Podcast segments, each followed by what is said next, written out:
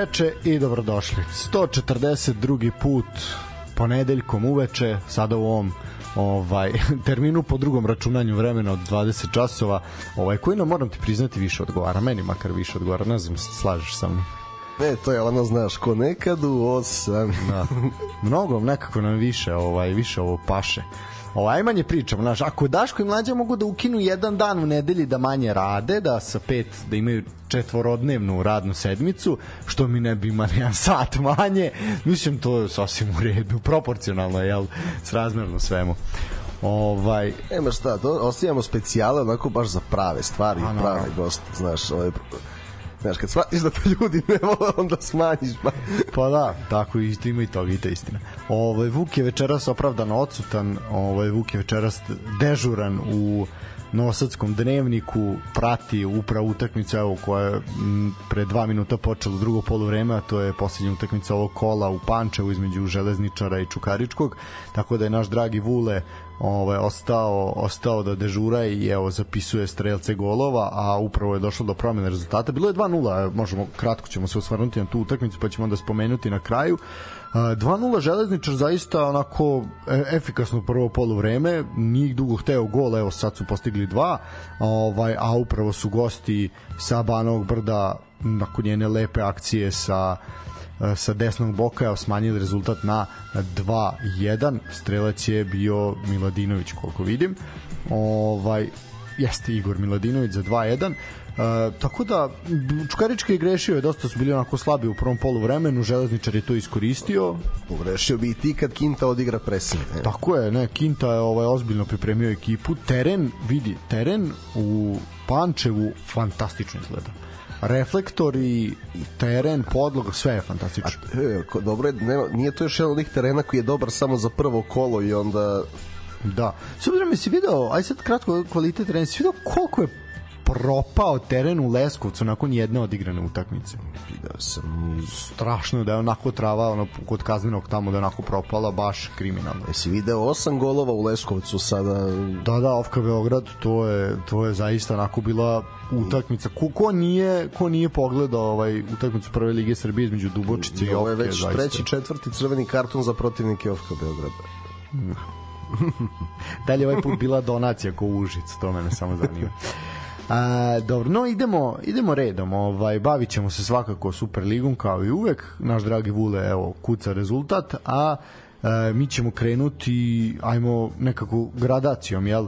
Ovaj e, ono što je svakako juče bila vest dana, a, a to je i danas je se priča o tome, to je a, srebro naših odbojkašica i mi im čestitamo zaista svaka čast devojkama ponovo su ovaj premašile naše očekivanja i opravdale opravdale ulogu onako koju imaju. Nisu bili prvi favoriti turnira to su svakako bile to je svakako bila Turska ovaj ali su zaista zaista se dobro borile imale su i 1:0 u setovima i 2:1 u setovima i bilo je to blizu i u petom setu ali nažalost zaista zaista su Turkinje i ova Kubanka što igra za njih bile bile ipak ipak jače i za toliko za tu nijansu i bolje tako da ali stvarno svaka Čast. čast Svaka čast, pazi, ovo, ali ovo je jedan, jedan kontinuitet skoro decenija uspeha. Onako, ja mislim da kad su poslednji put ostale bez medalja, ni, ni one više ne znaju. Znaš, to ne, je... zaista svaka čast. Što se toga tiče, on treba reći da smo ajde sad kao da se mi pravdamo, ali eto Maja Ognjenović je zaista bila vrhunska dok dok se nije dok nije zakačao taj neki virus, onda nije uh, dva tri dana pred finale nije to i selektor rekao, nije ni trenirala.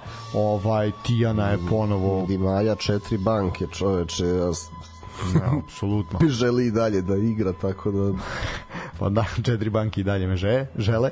Ovaj, ne, i Tijana Bošković vidi fantastično, ne, ne, ne znam šta da se kaže, zaista ono, nosila je ekipu na leđima, ovaj, baš onako totalno se davala puna, puna Ono šta, snage. Aleksić, Lozo, Zelac, koja je skočila na turniru. Sve, Sve, ne, ne, ne znam šta bih rekao, zaista ono sve su sve su ovaj devojke bile Ne, baš izvrstan kontinuitet, jer mi pre toga nismo imali sad, ne, bio je ženski rukomet u bivšoj državi, nije bila ženska odbojka i odbojka generalno.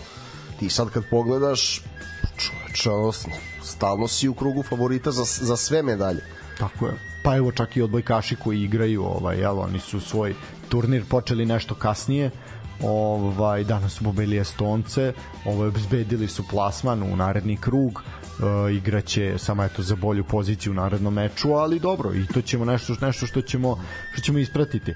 Da, i to je neki kult posebno od Novom Sadu, sećaš se koliko se sve, ka, kakvi mečevi svetske lige su se igrali nekad i sa Brazilcima, dolazili su sa i Žiba i, i pogotovo. Žiba i društvo, to mora da se neguje naravno, tako da Pa da, ovaj tako da devojkama zaista zaista svaka čast, mislim lepo je to rečeno i, i sinoć u prenosu na na RTS-u da je uh, urađena onako jedna tiho je urađena jedna smena generacija, jel došle su neke nove devojke, ovaj tu postoji kostur tih da kažeš iskusnijih još uvek ali i te neke nove mlađe snage su nastupile i to nije rezultat izostao. Eto ne mora svaka smena generacija bude seča knezova i da i da ovaj bude se onda ono daleko ispod očekivanja sa rezultatom tako da vidite da se može uraditi fudbalski savezu. pa ne ne one, one su to nekako uradile kao što kad rade ove Španci u muškoj košarci znaš ostave dva tri stara vuka znači znaju gde fali gde još ne diramo ništa i tamo gde može damo prostora ovaj, kao što su sad dali Nunjezu recimo u španskoj košarci. Tako da, ali RTS treba si da čuješ koleta na areni A da, da, ipak sam ovih dana sam, pošto sam gledao i basket, ovaj, prvo nisu znao da on prenosi. E, a, ali, znaš te, ljudi, ljudi ga skroz drugačije ovaj, percipiraju zbog, zbog košarki, da. derbi. Vidi, iskreno doktorski prenos, doktorsko finale, jedino sam se plašio, pošto su Turkinje okrenule kako će živ da izađe ovaj, iz da. kabine, koliko je, koliko je čovjek bio emotivan, ali je prenos je bio u rangu onog Milinkovićevog na olimpijskim igrama da, da, da, da. protiv Holandije tako da stvarno stvarno svaka čast. Ostao sam na RTS-u zato što sam uh, kako ću sad glatko prebaciti na sledeću temu, ovaj što sam gledao košarku, jel? I nekako ipak je Šarenac ovaj institucija, ovaj bez obzira što je Kuzmanović smeta tamo, ali ali ne, zaista zbog Šarenca sam ono pratio basket na RTS-u i onda sam nekako mahinalno i i ovaj upalio i upalio odbojku tako da uh, treba samo reći da devojke nemaju stvarno puno vremena za za odmor pošto će ovaj brzo uslediti kvalifikacioni turnir za uh, za olimpijske igre. Uh, naše odbojkašice idu u Kinu i tamo koliko sam video da znači Kina, Dominikanska republika, Holandija, Kanada, Češka, Meksiko i Ukrajina tako da boga mi biće to biće to boga mi gusto ali Dobro. Ali to je stvarno ti novi formati, tako i one godine odbojkaši kad su bili prvaci Evrope nisu otišli time na olimpijske igre i onda su na turniru izgubili plasman. To mi nije jasno sada da da evropska prvenstva finalisti da ne idu direktno. Malo mi je to onako bez pa, veze. Ubacili su naš ono x broj utakmica još ovaj ali pa video se sad u košarci ove predkvalifikacione turnire za kvalifikacioni turnir za kvalifikacioni turnir mislim. I onda Šareni koji uh, juče u prenosu dva minuta objašnjava kako će funkcionisati turnir ono niko nije shvatio što je na kraju onda i on shvatio da je toliko komplikovano i onda je rekao uđite samo na sajt ono Olimpi, olimpijskog komiteta i on pročitajte jer jednostavno previše je komplikovano strašno. Ne, to je postalo komplikovano da ni oni što iz hobija uređuju Wikipediju više to neće tamo da stave. Pa da, ne, jednostavno baš je baš je problematično. Ovaj, ali dobro, devojkama svaka čast zaista. Uh, eto što se tiče ove Vargas, to je bila priča, sećamo se da će ona ovaj čak biti naša reprezentativka, međutim Turci su dali više para, tako da eto sad to ona nam je presudila. Ali... I, i Santareliju i njoj. Da. Ovaj tako da šta reći, idemo, idemo dalje u svakom slučaju i ništa, pratit ćemo i dalje izveštavati ovaj, sad sa narednog tog kvalifikacionog, kvalifikacionog turnira. E sad, Uh, što se tiče košarke, dok ne, ne počnemo priču o košarci, moram da ti pustim nešto ovaj, da, uh, da čuješ malo, malo najave za, za basket. Uh, da kažem samo je to železničar Čukarički 56. minut 2-1 je i dalje uh, što se tiče basketa, basket je negde juče obeležio ovaj dan koji je bio onako dosta jak sportski dan je bio i svašta se pratilo ovaj a basket je onako bio uh, otvorio je taj otvorio je taj dan pobedom nad Dominikanskom republikom naši momci su zaista bili bili neprikosnoveni. Ovaj, ali ajde, možeš da čuješ ovo, ovaj, kako, imamo sad najavu za basket, slušaj.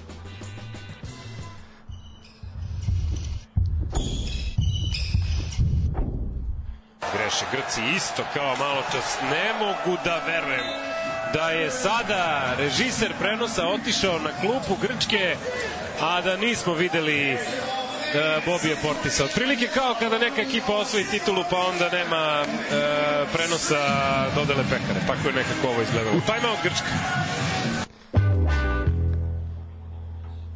Ma da nisam, ka, da kažeš, kasno sam došao u studiju, nisam stigao da isečem ovo što se desilo na današnji dan. Preš, ja sam mislio da ćeš to da pustiš taj Ne, ne, jubilej. nisam, to, to će biti, to će biti svakog jednom u ovaj...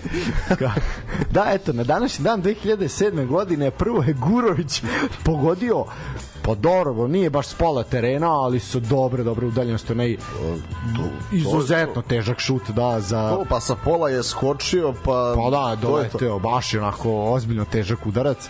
Ovaj, Na šut, koji su svi zaboravili zbog onoga što Zbog onoga što je bilo posle, da. Ovaj, tako da je pogodio za, pazi, rezultat nakon četvrte četvrtine 56-56. Znači, koliko malo poena. Ovaj, I onda posle su sledili produžeci i dalje legendarna izjava Darka Miličića u tunelu. to, toliko legendarna da se ekipa mog drugara na o, jednom pub kvizu zove ona tri govnara, one tri pičketine. Tako da Darko je i Tegeltija koji pokušava da ga pokušava da ga smiri kao nemoj Darko vrućemo. Šta vruće? Tako da eto, Darko ga je ikad smirio Vladan Tegeltija. Nije, samo možda razgali. Ovaj I kad hoće i kad neće. da, ovaj tako da eto to je bilo daleke 2007. godine kada je onako reprezentacija bila na jednom, pa može se reći onako jednom teškom, teškom minimumu i rezervi, ali dobro, preživelo se i to. Da li bi znao iz glave da nabraviš 12 mokinih moskitosa? Oh, nema šanse. Ne, zaboravim se. Zaboravim. Pa sećamo se Miličića, sećamo se o, Gurovića, ko je bio? Jarić, je bio. Jarić, Teodosić, Da, te odnosno Pefi, Marković, Aleksandrov, Mitsko biće Nemanja Aleksandrov. A ja, da. Pokuševski se ovaj pretvara u njega, to sam provalio. ovaj, to je tamo tako dug, dugačak koji igra sve pozicije večito povređen, nema ga, samo se čeka da eksplodira i tako. Naravno da je bio Novica ovaj, u Granadi bio je Branko Cvetković ovaj, još jedna Branko Lazić pre Branka uvek neki Branko ima u tom FNP-u Aj, joj, da, Branko, aj, joj, bože. o, onda koji bio je Dragan Labović Dobro, da. Erceg e, Vuk Radivojević Dobro, da. i. Milenko Tepić. Da, mislim, to je da, a to je ta opet ne, naš nesrećna smena, neka generacija, ovaj, tu su oni svi ekstremno mladi, a ovi su Gurović, ovo je, to je Pa, već bio pred to kraj je- karijere. A to je, vidi, ja sad to će biti bez da kažem, ali znaš kako, to bi ovaj e, i ovaj, da smo bili kompletni tada pitanje koji bismo završili jer tu svi su onda je prvo je bilo to previranje Srbija Crna Gora pa Da.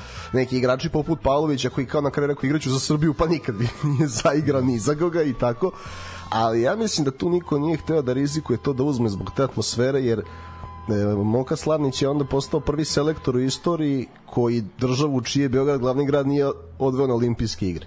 I niko taj rizik nije hteo da, da uzme, nego se posle ovaj, veliki Duda pojavio i pravio suštinsku smenu. Eto, to ti je da. prilike to. Ali da je to bila patnja ovaj, te 2007. godine, boga mi jeste.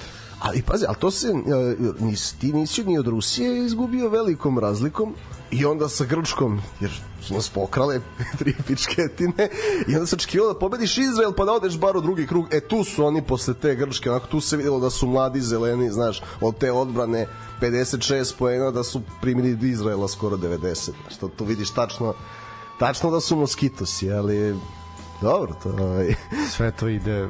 ide Ali da vidiš, kad ideš takve ličnosti ostaviti neku uspomenu, ono turnir najgori ikad evropsko prvenstvo, ali džaba. Dobro, e sad, ajmo malo, malo o ovom aktuelnom svetskom prvenstvu. E, ništa, prvo su m, momci su juče pobedili Dominikansku republiku ovaj, to je ono što treba reći nakon onog poraza od Italije a, prokomentarisat ćemo obe, možemo odme stvari. Mislim, ovo što se tiče Dominikane, tu nema šta puno kažemo, fantastično se otvorila utakmica i ušlo je sve ono što nije htelo protiv Italijana, svi su pogodili ono što su trebali, jednostavno smo ih sasekli, oni su krenuli panično da rešavaju napad, mislim panično, brzo pleto. Fantastično ali... se otvorilo svih pet utakmica. Tu, tu, da, da. O, znaš, sad je ovdje... Šampioni smo u prve četvrtine, da. Ne, da si igra 25 minuta, svetski prvaci. Pa, znate zašto, ne, sad ću ti objasniti zašto Pešiću, pričali smo, zašto Pešiću padne ovaj koncentracija posle 25 minuta zato što to je čovek već u godinama. I on već znate kad gleda slagalicu njemu već na matematici se spava. Znaš kad oni otvore zagradu on je gotovo. Ako je dupla zagrada on je već zahrka. Ovaj, tako da Znaš, i ljudi, mislim, sad će biti bezobrazan malo, ali, znaš, ono kao, ovi na RTS-u se pitaju, prvo, jako sam iznenađen, moram priznati da se na RTS-u otvoreno komentariše, odnosno negoduju potezi selektora, malo to nisam naviku od RTS-a, da tako baš ono javno kao i to Kuzma ovaj on je on je preteč on da kažem prednjači u svemu a onda i ovi u studiju mada Đurović nije bio bio je suzdržan ali tu što je bio trener u životu. Tako je, a Kuzma ovaj tamo se lupeta u prenosima i ono naj najviše me ne reka psuje, ono to to mi nekako najde najgore, ono pada teško. Ovaj kad ga Šarenac miruje, ali dobro koliko god da si emotivan, najmalo se iskontroliš, ipak si na javnom servisu. Pa e, to je zato ne gledam prvenstveno na javnom servisu, pravo ti kaže zato što napravim onda pošto nemamo ovaj, ovog drugog provajdera kod kuće više i sport klub, onda tako sa, ako, ako stignem da pogledam, onda pogleda se sa, jel, s nekim društvom koje nisi dugo video, neki su još na godišnjim odmorima pa gled, imaju vremena pre podne, tako da ništa nisam gledao na RTS-u, da budem iskren. Pa ti si se onda spasio. ove, a ne, ja, pa ja znam, ove, ja, misli, to je ipak, kad budemo više pričali o košarci, mislim da znam zašto Kuzma to radi i iz čije je to kuhinja, ali dobro Imamo i kolo ja. Super lige, pa mogu sledeće nedelje da, da kažem. Više, sledeće, sledeće nedelje ćemo svakako mnogo više Poslu, pričati. E, poslušat ću Litvaniju na RTS-u, pa ću ti reći da. onda šta mislim. Ovaj, svakako ćemo ne, sledeće nedelje više pričati o tome, pošto nas sledi reprezentativna pauza i onda ćemo imati onako više prostora da se otvorimo što se tiče košarke. Sad više ovako servisne informacije.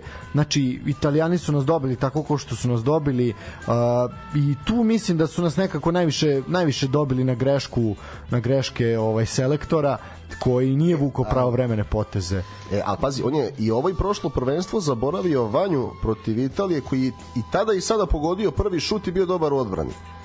I onda je napravio, i vjerojatno kad je rađena video analiza, onda ga je stavio u petorku sada umesto Dobrića protiv Dominikanaca, dečko je pokido, iskreno. Ali znaš šta, meni, nije meni to sad da ja pričam o nekome koji ima to što ima iza sebe. Ne, pa, naravno. Ne, znaš šta meni smeta?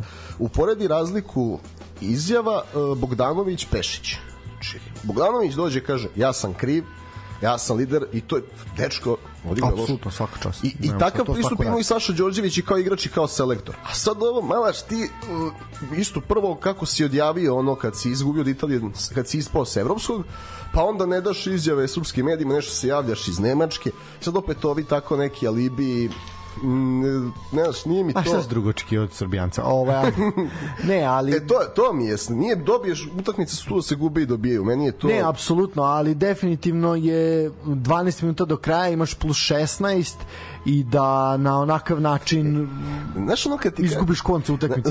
znaš kad kažu ovaj, ono igraj kao da ti je poslednje.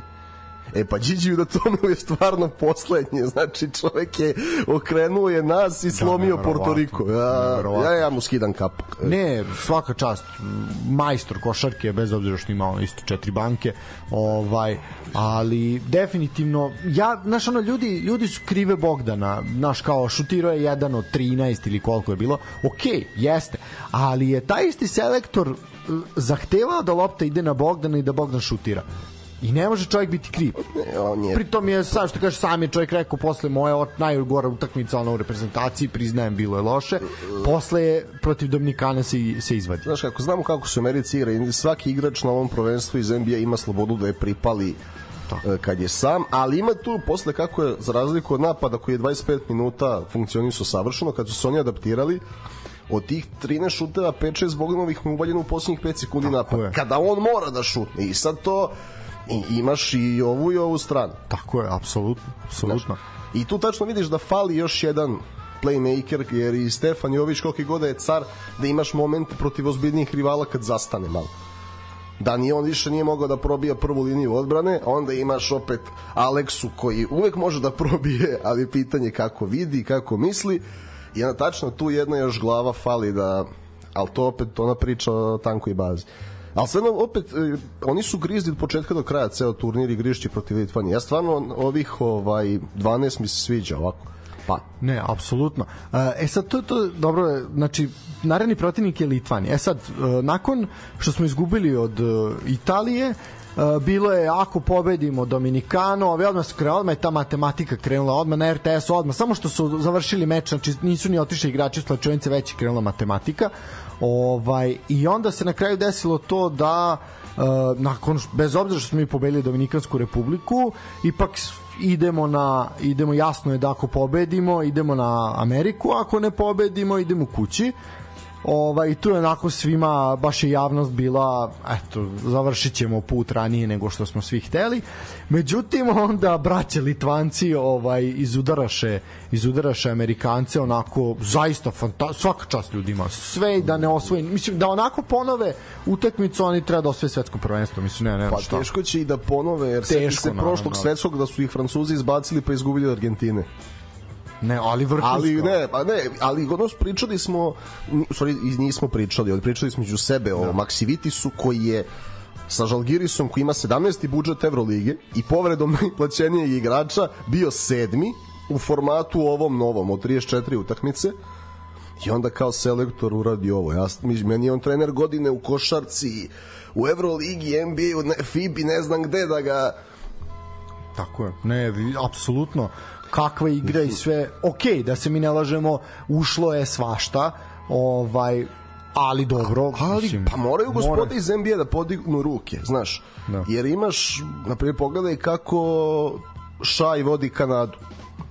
Kako je okrenuo Ameriku, znaš. Jer rekli smo da nema predominantnog tima, a Amerikanci dalje podcenjuju neke ekipe. A to je ono, oni su videli da tu nema, da su tu igrači, Litvan je, nema čak ni evroligaških toliko igrača. Neki su još i evroligaški povređeni, i NBA i centar Sabonis, mlađi, naravno, ovaj, I oni su pocenili igrači iz Evrokupa, evo, jedan ima klauzulu na 20.000 eura za 15 dana da neko može da ga kupi za taj novac. Čovjek im je strpao 15 pojena.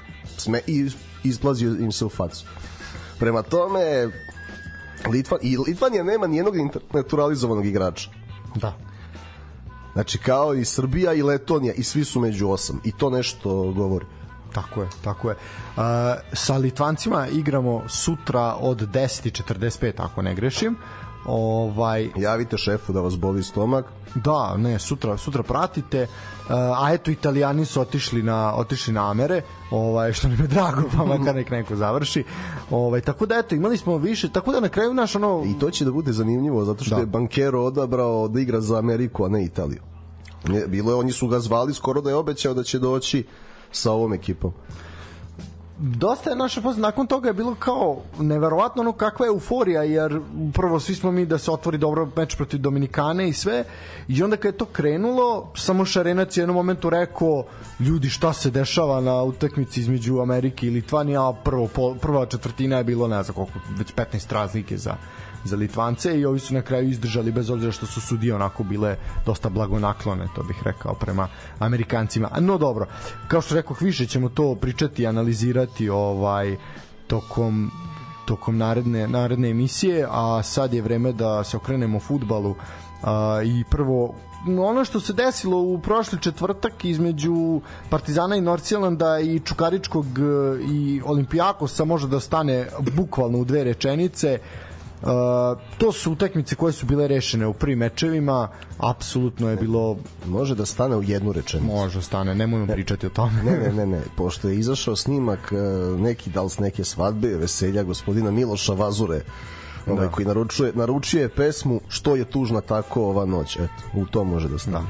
Da. Ne, uh, što se tiče Norcilanda, apsolutno znatno bolji, kvalitetni tim u ovom trenutku od Partizana. Uh, Uh, zaista su bez većih problema bili u, u na gostovanju u Beogradu, pobedili su sa 1-0 po nekoliko minuta, bilo je segmenata gde su po 3-4 pa skoro i 5 minuta držali loptu da niko ni mogao ili nije hteo ili nije mogao da uzme.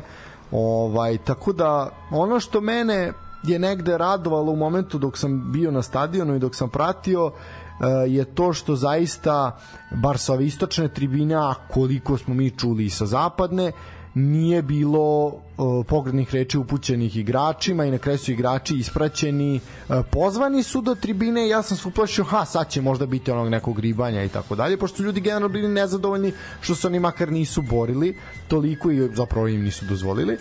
Ovaj, međutim, zaista su ispraćeni i sa jedne, druge, i sa jedne i sa druge tribine aplauzima i pesmom podrške, da tako kažemo. I onda ta izjava Dulja, ja koja mi nije bila jasna šta se pa tu nije, šta se tu desilo. I nije mi jasna ni ta ni ova posle IMTA i kom, s kim se on tu sad domunđava ovaj, javno proziva, ali nije, mislim, nije trenutak za njih. Stvarno, naš trener kad ne posloži ekipu ni nema potrebu da provocira nekog preko medija samo nije to ono peckanje znaš kad pobediš tim ovako je samo kontraefekat a ovo što lepo uočio i pred malo pred kraj Belić dobio ovacije i skandiranje na toj utakmici. Znači da se da se pokaže ostalim igračima Jeste. Da, nije, ali, nije ni on igrao bez a nije ni on bez greške. Ne, ali, ne. Opet ali da borbenost je bila na neviđenom nivou zaista. Pa kada bi i drugi bili makar deli makar na 50% toga, to bi mnogo drugačije izgledalo. Znaš kako, neki jesu, ali malo ima i pogrešnog trčanja, da. a neki nemaju ni pomoć sa igrača ispred sebe, pa, pa su razvučeni ovim dodavanjima. I ono što, ono što mene boli, ako pogledaš i Sabah, igra s trojicom pozadi i vrlo kvalitetnu pas igru.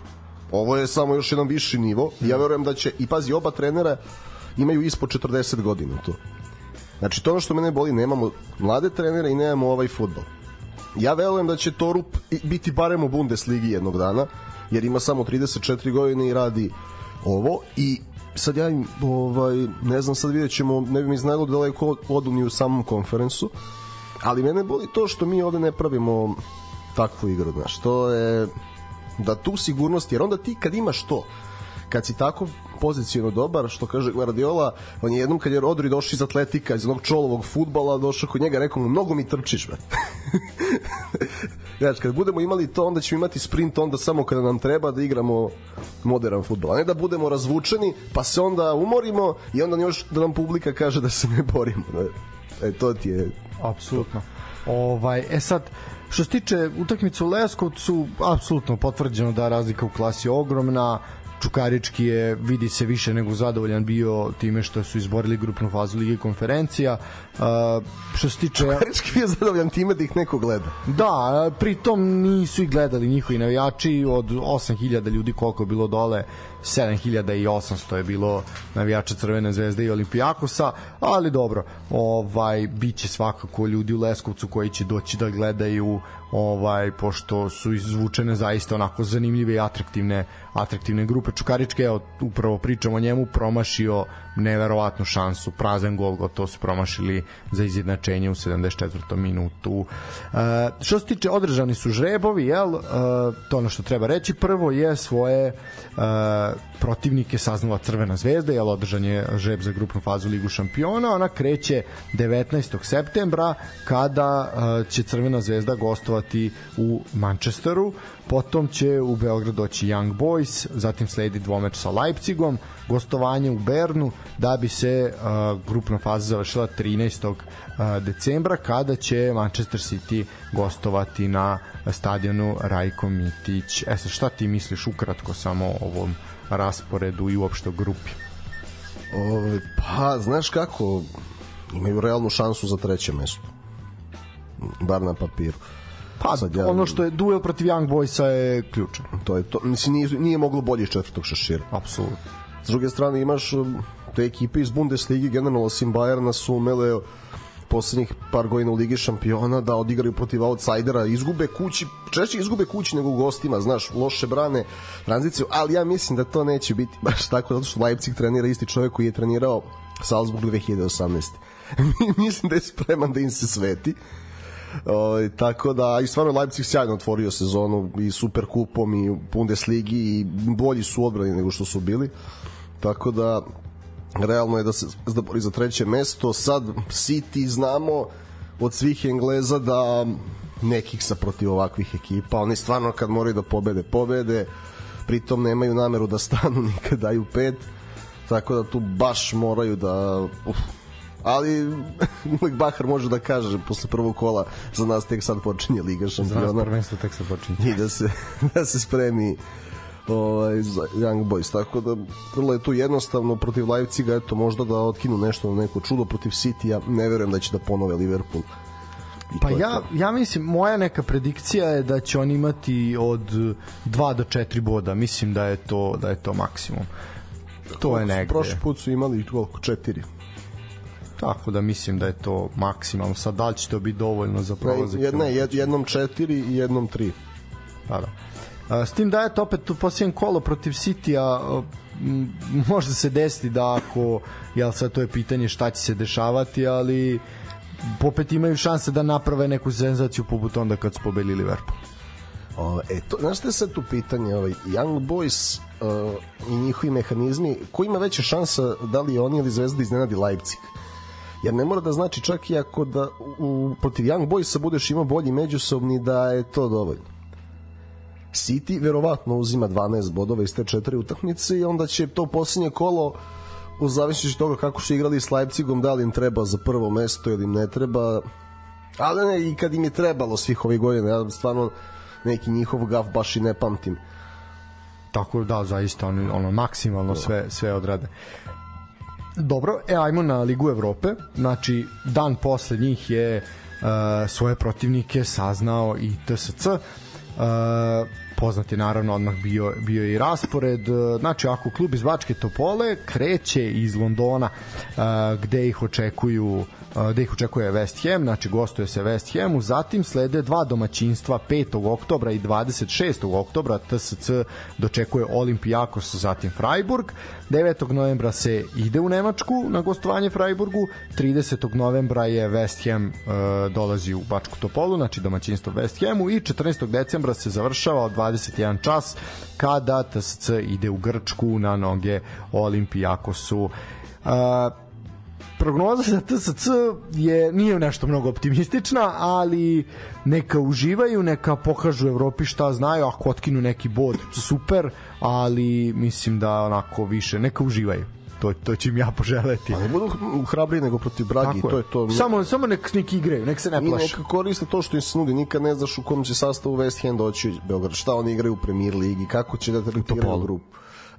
To da, da, da, naviko, refleks je čudo. Ove, pa do, i dobro je, znaš kako, da, da ne govorimo više samo Beograd, iskreno, da. kukamo za tim godinama, evo sad smo dobili, e, tako da samo nek se, nek se opusti, ja mislim da oni ako igraju najbolje što mogu, da neće ostati na nuli. Pa ja im to iskreno želim. Ja, ja to je sad, ne moraš, sad ide utakmice utakmice, sad imamo malo ova panika protiv Brage, je odmah, e, bić nula, sigurno, polako ljudi, polako. A, sigurno će sigurno mogu više protiv Olimpijakosa nego Čukarički to to je apsolutno sigurno. A, pa vidim, mislim ono zaista ja samo želim da igraju fudbal pa nek bude kako bude, ali samo da igraju, samo da ne bude onako kao protiv Brage, onako stegnuto i uplašeno, a sve sve ostalo m, apsolutno nije nije problem. I, nema još uvek informacija za prodaju karata, za Zvezdu postoje informacije za karte još od uh, za pakete još od kad je počela sezona, znači imate opciju da kupite samo kartu za Ligu šampiona, odnosno za grupnu fazu ili da uzmete premium sezonsku gde imate i prvenstvo i Ligu šampiona. TSC još uvek nije objavio, oni su rekli da će pustiti sezonsku posebno u odnosu na grupnu, karte za grupnu fazu nekog evropskog takmičenja zato što nisu znali, ali mislim tehnički nisu znali gde će igrati. A što se tiče Čukaričkog, Čukarički isto se nije oglašavao po pitanju uh, karata, a oni su sat vremena nakon TSC saznali protivnike. Uh, zaista, boga mi, teška, teška grupa. Uh, istorijska sezona jeste tri predstavnika u grupnoj fazi, a u Leskovcu, znači prvo uh, će Čukarički ići Ferenc Varošu, zatim koji je tu danas preuzeo Dejan Stanković. Ja šet šanse za Čukarički uzme bodove. O, ovaj, ovaj bio zicar. Uh, I moj dekara ide u četvrti finale. Uh, Čukarički će onda dočekati Genk uh, 5. oktobra, zatim se gostuje Fiorentini. Uh, iz koje je otišao Luka Jović, uh, tako da eto neće neće biti tog duela. Uh, dva kuma, jel ne znam komu je, nekomu je kum u Čukaričkom, Vukašin Jovanović mu je kum u Čukaričkom, Tako ja je, mislim, tako da. je. Tako da eto, nažalost neće se neće biti taj taj kumovski Ja, okršaj da, jednu stvar. Fiorentina je prošle godine igrala kući sa letonskim RFS-om 1-1. Znači, Ništa, tek da, tu, nije i nemoguće, tu da. zbog tog pristupa konferensu pojedinih ekipa, što njih ne opravdava, znači Čuka mora igra maksimalno, ne mislim da će da će biti na nuli, ali moraju stvarno malo da da Malo, se srede malo, nakon ove pauze. Malo mora. Vidi I da, se da im je I pauza da ova pojačanja ne budu fantomi. Da, pričat ćemo i o tom. Uh, znači ide se 26. oktobra uh, u Italiju, zatim se uzvraćuje uh, uzvratno domaćinstvo odmah 9. novembra protiv Fiorentine, ponovo su domaćini Ferenc Varoš u 30. novembra i 14. decembra u 15 do 7 poslednji put istrčavaju verovatno za ovu sezonu u Evropi protiv Genka u Belgiji. Uh, mislim, očekivati da će proći grupu jedni i drugi je zaista nerealno, ali ajde samo neki igraju futbol, samo nek uzmu koji bod za koeficijent, pošto je ovo za sad skupir te bod, kalite se i dajte da proširimo spisak da olakšamo Pixiju, znači kad su neke povrede da ima više opcija, a ne ovo sad kako je bilo kad smo išli u Bugarsku, jedna, dve povrede, panika. To, e, eto, to, je, to treba da bude njihova uloga. Znači, i svih ulog, klubova koji budu u prvah četiri ili pet, koliko mesta imamo u Evropi, to je glavno. Tako je. Uh, promjena rezultata u Pančevu, tamo je 83. minut, uh, uh, zaista, eto, sva, sva tri gola do sada su pala sa desne strane. Ovaj put prvo zaista fantastičan pas spoljno Miladinovića uh, i odličan centaršut na peterac, gde je sam bio, samo da vidim ko je tamo, čini mi se, moment, a igrač brojem 47, ovaj neka od rezervio se ne znam napamet ko je, ovaj dok ne prikažu. Tako da zaista eto Čuka na 2:2. Ipak je ovaj ipak su se spasili da Jesi, kažem. jesi zaustio da kažeš e, Mirosavljević, ne, Nisam. bio u Petersu. Nisam, ovaj, ali moram vidjeti ko je, ko je postigao pogled. Tako da eto, Čuka na 2-2, 83. minut, tu se bliži, bliži kraju, a mi idemo na uh, redovan pregled kola. Mihajlo Cvetković, da, u pitanju je ovaj mladi, mladi Mihajlo Cvetković, mislim da je on uh, da, 2007. godište. 16 godina, 10. januar 2007. 16 godina ima dečko, zato mi nije poznat broj zato što Pa za, ja gledam zato što znam da je on mladinac, ali koji je, ali, tako da... zaista, Pa to je, ali, znaš, mi ovaj, evo, pogledaj u HNL-u, pogledaj koje su godište mladi igrači. Nema koje, što kaže Dulevo Jošić, ako su ruže procvetaće. Tako je. Uh, ništa, idemo na kolo. Uh, što se tiče kola, znači rezultati koji su postignuti u ovom šestom kolu, ono je otvoreno u petak utakmicom u Surdulici. Radnik je dočekao TSC, Uh, e sad, uh, dobio je, pre nego što se bude prokomentarisao ovaj meč, uh, dobio je radnik dozvolu da nastupi na svom stadionu posle dva domaćinstva u Nišu, po znacima navoda, je, i ja ne sumnjam da su se ljudi u Surdulici potrudili da ovaj poprave to stanje na terenu u odnosu na to kako je bilo zaista pre nekoliko nedelja. Svi smo videli one jezive slike ali opet je taj teren bio poprilično loš i na zaista na granici prihvatljivog. I opet se postavlja pitanje zašto i kome odgovara da se to igra na ovakvoj podlozi. Lopta je mislim zaista se mučila pogotovo ekipa TSC koja je zaista tehnički mnogo potkovanija od radnika se zaista mučila lopta nepravilno odskače kao da ono po, po makadamu ulici da igraju. Ovaj tako da zaista, mislim ljudi su se ono, u komentarima na mrežama šalili da li bi City mogao da ovaj materializuje razliku u kvalitetu na, na ovakvom terenu. I ono što je Boga mi morao bi Haaland malo više da skače, a Da. manje da... što bi i Žarko Lazitić je sam u ovaj u reakciji prvoj reakciji posle meča rekao da je nezadovoljan stanjem terena i rekao je samo da smo pobedili i svaka čast kad su dozvolili da se ovde igra kaže pobeda na ovom terenu trebalo bi da vredi bar 4 4 boda ovo nema veze sa fudbalom i tako dalje i tako dalje no što se tiče Svak, čas, zato što nema, nije ono da izgubiš bodove pa ti, pa ti kriv teren. Da, to, da, nema, da, da. to su poruke koje nemaju veze sa tim. Hoćemo da, da igramo. tako je uh, to se šta mi pobedio kaže Znači, imaš pauzu za reprezentacije, znači još dve nedelje, pa su onda gosti Partizanu, pa osmo kolo domaćini, verovatno. Pa što da iskoristiš tu pauzu da bolje spremiš nego čekaš pre pauze iz nekog razloga forsiraš da bi teren opet bio užasan.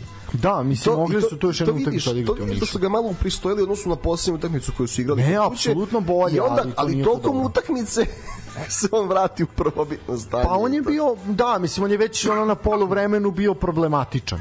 Ovaj problematičan izuzetno blaga reč.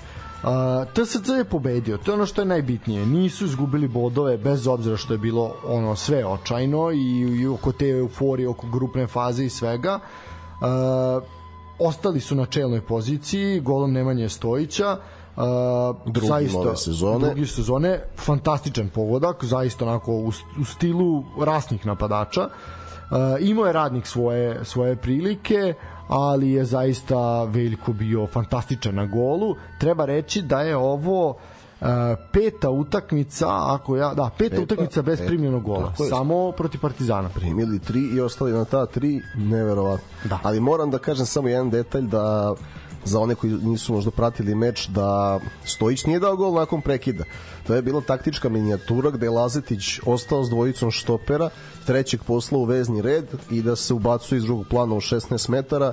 Stojić imao nekoliko prilika i poluprilika da dođe do lopte i pred kraj prvog poluvremena jednu iskoristio i to na tri boda. Tako da su, eto, trener je dobio utakmicu na teškom terenu svojom minijaturom, pa tek onda izašao da, da kritikuje podlogu. Apsolutno skidam kapu Lazetiću, eto što za sve što radi do prve pauze, lider, ne prima golove, unapredio ekipu u ligi i sad se samo kažem ti čeka ta hrabrost i poneki bod u Evropi i sve što je mogao uradio. Da. Uh, dobro, idemo dalje. Rekli smo peta utakmica bez primljenog gola, možemo samo nabrojati, znači bila je tu pobeda od protiv Radničkog 3:0, pa pobeda protiv Radničkog iz Kragujevca 1:0, pa protiv Javora 3:0, IMT 1:0 i Radnik 1:0. Uh, dobro, sledeća utakmica, utakmica u Kruševcu. Kruševac se budi. Druga vezana pobeda napretka, znatno bolje su bili domaći u prvom polu vremenu u kome su stekli ovaj ispostavilo se kapitalnu prednost. Uh, Zmajevi jesu bili konkretniji i opasniji u, u drugom delu igre, ali su uspeli samo preko Burma za sa 11 terca da ublaže poraz.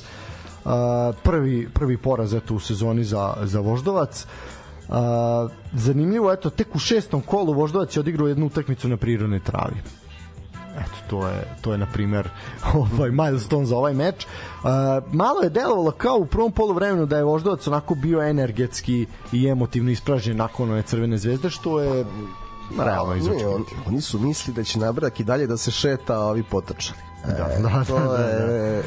da. Uh, 102. gol Bojovića samo 14 minuta je bilo potrebno najboljem strelcu naše lige u istoriji al naše lige da postigne još jedan pogodak, do duše bilo je sa 11 terca i za 2:0 već u 23. je Dušan Stojilković povisio, ispostavilo se sasvim sasvim dovoljno za 3 boda u Kruševcu. Šok terapija u Kruševcu uspela. Ne, ovaj Šetajte, jedina, to je to. jedina dela ja mislim da ovo je, ovo je da, da, jedina šetnja koja je zaista urodila nekim plodom u ovoj državi, evo je ova. Znači, da. niko drugi nije ništa posebno uradio. O, pa nema što napredak je našao neku direktnost u igri i, znaš, malo pojačanja, malo iz postojećih redova neko podigne formu ko nije prošao pripreme i onda dođeš i do nekih bodova. Sad, to je sve što bih rekao o ovoj utakmici, nego znaš, samo bi za prošlo pohvalio ovaj Oreščanina koji je zabeležio stoti nastup za Surdulicu i tom prilikom je uručen ovaj dres sa da. brojem 100, tako da eto i to je lep, jed, lep jubilej. Jedna isto, isto jedna od legendi ove Absolutno. lige iako ne daje golove. Apsolutno. Uh, dobro, možemo ići u Ivanjicu, tamo je Javor dočekao radnički iz Niša. Uh, trenutak odluke u Ivanjici dogodio se u 25. minutu kada je Ibrahim Tanko ponovo fantastično prošao po desnoj strani fantastičan centar šut, sjajno je pogodio Gigića, ovaj onako sad već rutinski to radi, prevario je Rosića, Rosića koji je bio zaista dobar, ali ovaj put nije mogao ništa. Uh, druga pobeda Javora, a, Nišlije ostaju na samo tri osvojena boda i Nišlije onako za sve ekipe u prvenstvu mogu da kažem da vidim neki neko svetlo na kraju tunela, ali za Nišlije, boga mi, teško. Ali Javor, Javor sad ono rutinira. A ne, oni su ovaj što kaže Aleksandar Džikić aj da ne radi on, ni, on, da niko ne radi ono što ne zna. Javor je to. Oni da. a stvarno pa da. lepo vođeni, tačno znaju šta znaju, znaju šta ne znaju. Mada se opet to je malo više povlači nego što treba na 1:0. Znaš, kao, nije isto 55 i 85 minut. Ajde, igraj malo, možeš. Pozno ku, kod kuće, u dobroj si formi, odlično si ušao u sezonu, možeš da igraš kući sa radničkim iz Niša. Meni je to malo onako da, taj šablon jedino, ali. Okay bodovi su tu, pa su tu. Nego mi reci, ja jedino što nisam video izjave, jel Trajković opet stavio glavu na panj ili kako? A, da budem iskren, nisam, nisam poslušao izjave, ovaj, ali ja verujem da bi mislim dobio je pojačanje neki momci su se neki momci su dovedeni moram priznati poprilično ovaj uh, nepoznata imena ovaj sad možda i bolje za njih. možda i bolje za njih, da. Ne znam šta bih rekao. Mislim, definitivno u Nišu je problem, sve je tu problem, Trajković je tu najmanji problem ali to ono što smo rekli milion puta, oni zaista vreme im je da ispadnu, da bi to zaličilo, zaličilo na nešto, jer drugačije bojim se da, da je propasti će biti, ali na šta se bojim ja? Oni da njih čak i da ispadnu, da tu nema te neke varnice koja bi pokrenula tu nešto da se to izgradi nešto na zdravim nogama. Njihovo ispadanje bi bilo onako permanentno, ono na, na x godina. Pa ne znam kako bi... Bez obzira što je to veliki grad, što oni da. zaslužuju da, ali mislim ne, to... neko će, ja mislim da selektor mora da se uključi na neki način, da kaže neku reč. Trenutno, ako gledamo kakva je Znaš, nije to ono sad doći će neki novi gazda, prodaćemo klub, pa ćemo da se vratimo, kao što su to radili Newcastle i Aston Villa.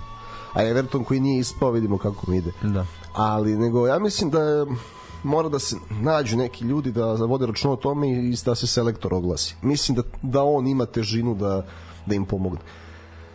Trajković, ti vidiš da pokuša, vidiš šta hoće, ali ne, niti može da sprovede, niti to može da radi kontinuirano. Ima je težak raspored, e, pitanje kakvu podršku kluba ima, pitanje je da li su igrači plaćeni na vreme, sve on, sve ne, on baš ne, baš se onako prihvatio teškog posla, moju podršku ima. Ja sam video, nije, nije ti zanimljivo da ih gledaš. Mislim, njihove utakmice sad mogu da se gledaju. Prošle godine ono stvarno bilo onako... Kriminalno, da. Ovaj, sad može, ali baš je premalo, premalo jedan čovek da to sve onako pokrene. Nažalost, ali da. Mislim, Ajde, ajde da vidimo da vidimo kad bude malo Nek mu daju, da. slabiji raspored pa da pa vidimo. Pa dobro, imaće i sad koliko 15 dana, 10 dana to, da imaju svi. E tu ćemo da, da vidimo ko radi, ko ne radi. Nema. Da. I ko može nešto da popravi ako teže. A, dobro. Selimo se na naš najveći stadion, u pitanju je stadion Rajko Mitić, jel, stadion Crvene zvezde, koji je proslavio 60. 60. rođendan u zaista jednom spektakularnoj atmosferi. Potrudio se marketing tim Crvene zvezde, a i sami navijači da pozivaju ljude da se dođe na stadion i zaista se publika odazvala u jednom jako lepom broju, to je ne, za pohvalu. Uh, momci su nosili specijalne dresove uh, povodom jela 60. rođendana njihovog najvoljenijeg stadiona ovaj našeg najvećeg stadiona u državi za sada, ako ovaj nacionalni ne bude veći.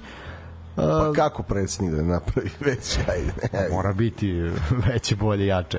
Ovaj, uh, stadion je, moram pohvaliti, isto sređen malo, malo je to ušminkano, boje su obnovljene, obojeno ponovo sve, znaš, sve to je onako zasijalo ovaj malo lepše i stolice su zamenjene neke i tako dalje. Stvarno su ga onako pa, lepo lepo ušminkali Možda i njih sramota da Guardiola dolazi i vidi ruglo. Pa znaš šta, ima, ima i toga, znaš, ipak su oni predstavnici u Ligi šampiona i treba tako i da se da se reprezentuju, ipak reprezentuju još uvek 11. ligu, ovaj, ali tako je. I ova njihova postava me malo podsjetila sad na onaj period što Meridian i Jelen Super Lige kad su zaista bili jaki na domaćem terenu na pune tribine. Stvarno sad kako da. su došli iz godišnjih odmora, vidi kapa dole. Ne, svaka čast zaista. Ovaj mi imam informaciju da su ljudi izuzetno zainteresovani za a, pakete karata za Ligu šampiona tako da neće se dešavati ono što se dešavalo prethodnih godina da se dele na uh, benzinskoj pumpi uz Carnex paštetu i A i ostalo. cene nisu te. Onda to je... Ima i toga, ima i toga. Daleko od toga da je to sad nešto pristupačno, ali ipak je malo razumnije u svakom slučaju. Uh, šta treba još reći? Uh, mislim, Crna zvezda je pobedila, ali Crna zvezda ne izgleda dobro. Uh, ono što prvo poluvreme jeste bilo bolje, ali Bahar je ovaj put isto vidno, vidno nezadovoljan, a mislim da ono sve što je pričao prethodni kola koliko je nezadovoljan, sad se to baš u prethodno dve utakmice svi, znači ova, ova protiv Pazara i ona protiv Voždovca, sve ono što je on pričao kako nije zadovoljan, kako može bolje, sad se, sad se pokazalo. Mogao je Pazar do drugog gola, mogao je Pazar do izjednačenja, jeste Dragović već u osmom minutu ovaj, otvorio to veliko slavlje, Kanga u 80. sa penala, crveni karton dobio je Sise, mislim, pre, pre tog 11 terca. Uh, Jovanović je smanjio na 2-1. Uvek neki Saša Jovanović. Da, uvek neki Saša Jovanović. A i, ovaj, i, ovaj prvi, I ovaj prvi je baš tamo onako raspoložen. Znao, da. Ovaj, još je dok igraju za Lučane, jel? E, tako da, e, moglo je, moglo je tu Pazar zaista do izjednačenja. E, ono gde se digla Pa, Vidi, frka... Pazar sad, Pazar prvo kolo nije ima igrača ni za klupu. Sad kako to nadolazi, ovaj, i, eto, i promena trenera, onako šok terapije, ne, Šok stvarno, terapija. ali stvarno su fizički spremni kao što su bili i u prošlu jesen. Da, da, kao i pod Gaćinoviću. Da, samo, samo sad, aj nemojte sad raditi Ajmo da neke, neku glupost, samo nemojte sami vas. sebe, ako vas drugi pobede, Molim vas, još uvek traje akcija MUPA, predajte oružje, nemojte pretiti igračima, znači to ništa, nemojte, molim vas. Ovaj, vratila se i publika, ajmojte napraviti kakvu glupost više, ono igrajte pred publikom i sve redom.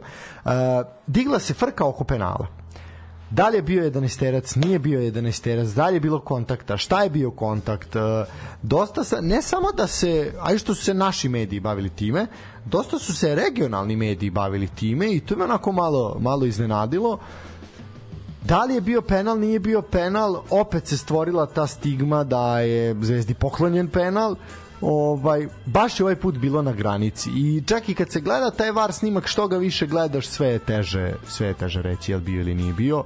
Ali na kraju dosuđenje Zvezda je pobedila ali zaista nije dobro i zaista onako biće problem biće problem i protiv Leipciga i protiv Manchester City i tekako Pa to, e, to vidi, sad je tu pitanje, mm, mislim, ovo baš ne, te, za, kad, kako Bahar eh, tempira sa svojim timom periodizaciju, da li će sad u ove dve nedelje nešto da da spreme dodatno da se dižu fizički, mada za razliku od drugih klubova oni imaju i reprezentativce. Znaš, sad je pitanje ko će biti tu eh, ko će raditi sa ekipom, zdravstveni bilten, ko se vraća za Čukarički, za Manchester City, kad se vraća, koliko treba pojačanjima da se uklope, nema što su danas stigli. Ali ono što zabrinjava jeste da oni nemaju kvalifikacije i da za svakog protivnika ovoj ligi, od kog su osetno jači u svakom smislu imaju 7 dana. Znaš, i sad poslednje dve utakmice, a pazi, kad i mladost iz Lučana je mogla da da još neki gol, mm -hmm. Tako da, znaš, prvo je ovaj, Voždovac je razbio strah na svom terenu, onda Pazar dolazi kao gost i odigra maksimalno hrabru utakmicu. Tako da, mm, i još ono što je primetno da kad Kraso nema kad Kraso nema neka genijalna rešenja, kada su se malo nekako su naviknuti, da li je tu neka figura Kata i Kraso, Ivanić, da uvek neko mora da rešava manje sistemskih rešenja bar u, u poslednjoj trećini. I, I najviše su u stvari radili na tome kako će izgledati bez lopte protiv jačih ekipa. Tako su se spremali protiv Lige šampiona. Onda stvarno ovo bilo super, Fiorentina, Zenit, Fener, ali ti imaš 37 utakmica ovde gde je lopta kod tebe 70% vremena. Tako je.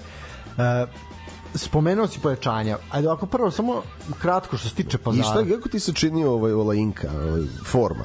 Znamo kako se igraču radi, nego forma. Pa, da.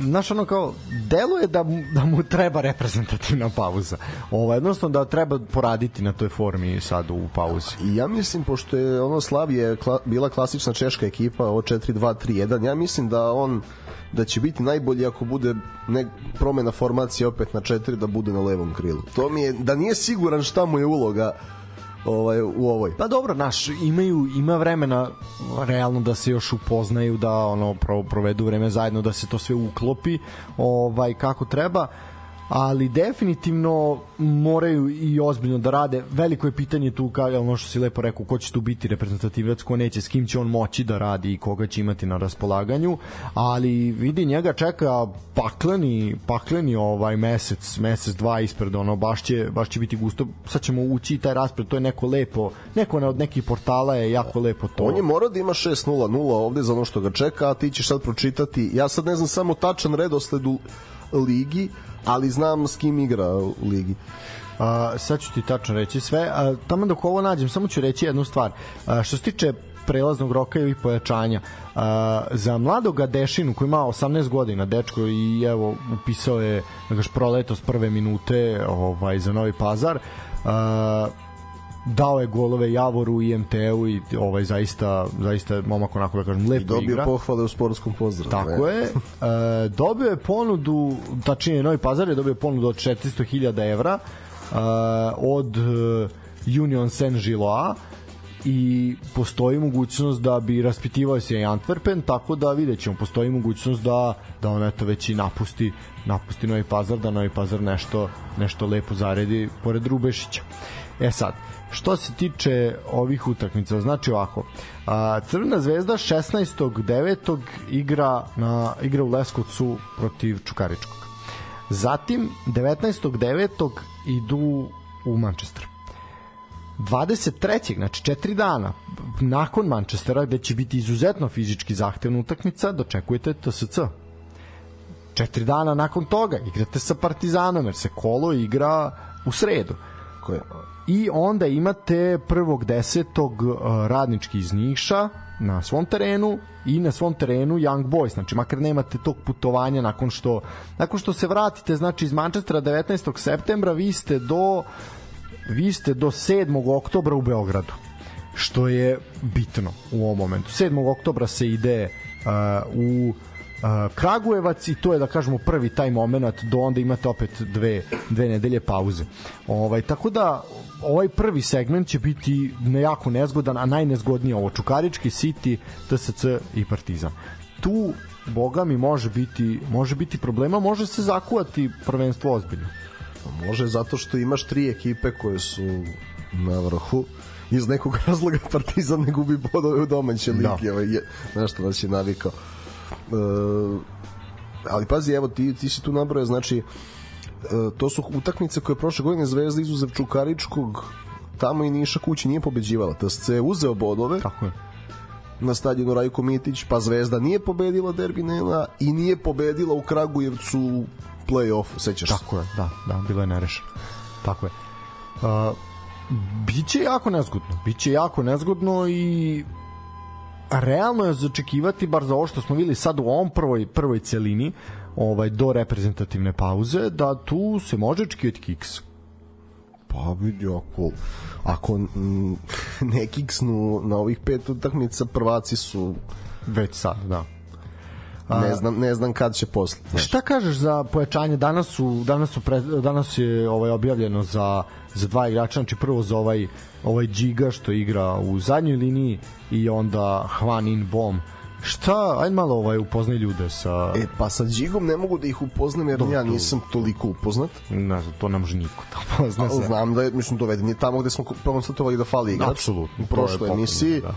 A, Sheriff ja je zanimljiv napadač iz Gorice, mislim ne iz, uh, koji je bio u Gorici, tu smo ga gledali mi, komentarisali, uh, ja ne znam, nije mi od tada toliko napredova da on košta 4 miliona, iako se radi o onom klasičnom gospodaru 16 terca, koji je recimo falio na krovu od onolikog broja centar šuteva, nije sporno da im i to treba, ali nije to uh, ono gde, gde će dobiti ne znam kakvu razliku.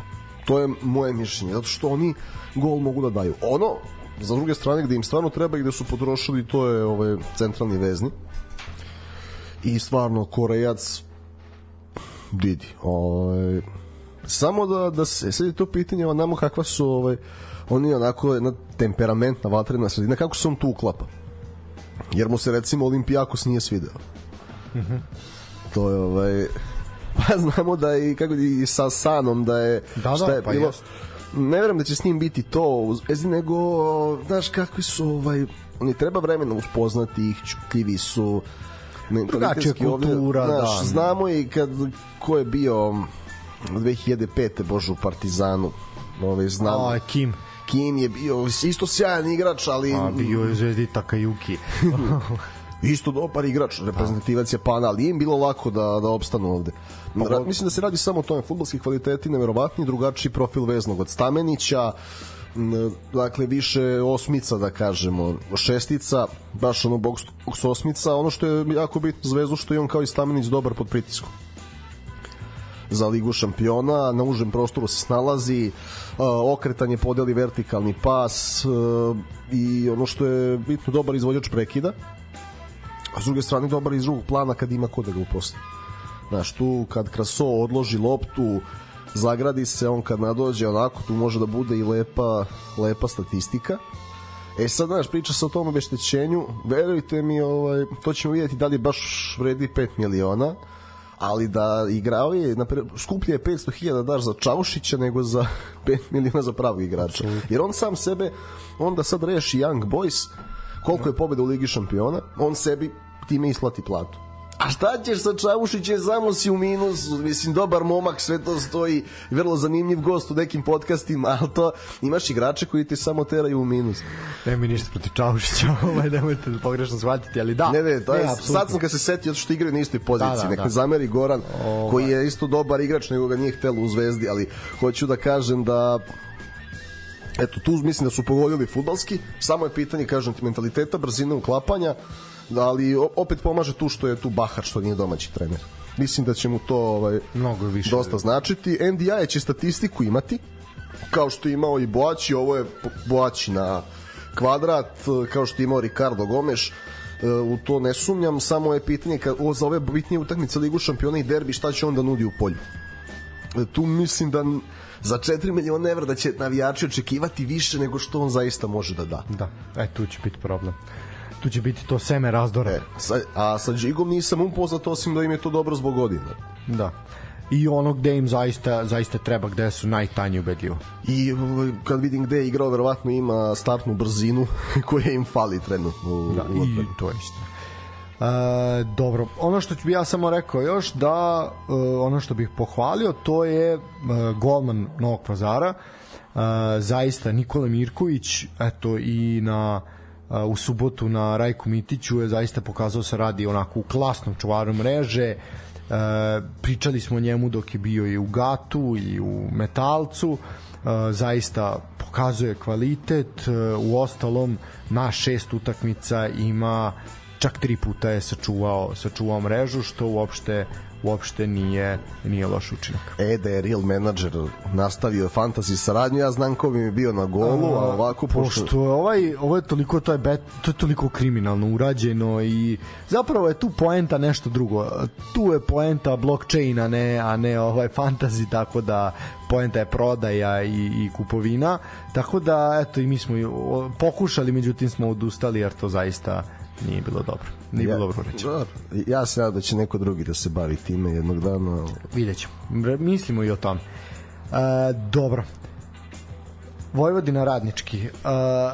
E, sad, što se tiče ove utakmice, ovo je sad imamo van sportske teme. E, ali stvarno, mi, ova Vojvodina je ovaj, Da, da, u da. prošle ove sezone onako ne znam šta bih rekao. E, prvo, prva stvar je ja razumem da navijačka grupa neće da navija jer su im ubijeni članovi grupe, ok, to je sasvim u redu. To smo viđali milion puta i to to je viđeno na dan proslave titule. Da. Ovaj, gde, on, 2014. kad se od stadion čutao 28 minuta. Mislim, Tako je. Uh, na primjer, eto, taj, to je jedan od primjera. Znači, to nije spor. Ali ono što me zaista onako, mogu reći iznervira, nego baš zaista razočara, to je da je da su igrači imali minut čutanja zbog dva ubijena ovaj pa dva ubijena kriminalca mislim to oni nisu u navijačkom obračunu stradali, oni su stradali u obračunu narkotrafikanata, mislim, ovaj sitnih dilera u okolini grada Novog Sada ovaj i da se utakmica Superlige počinje minutom ćutanja zbog toga to je već ozbiljan problem.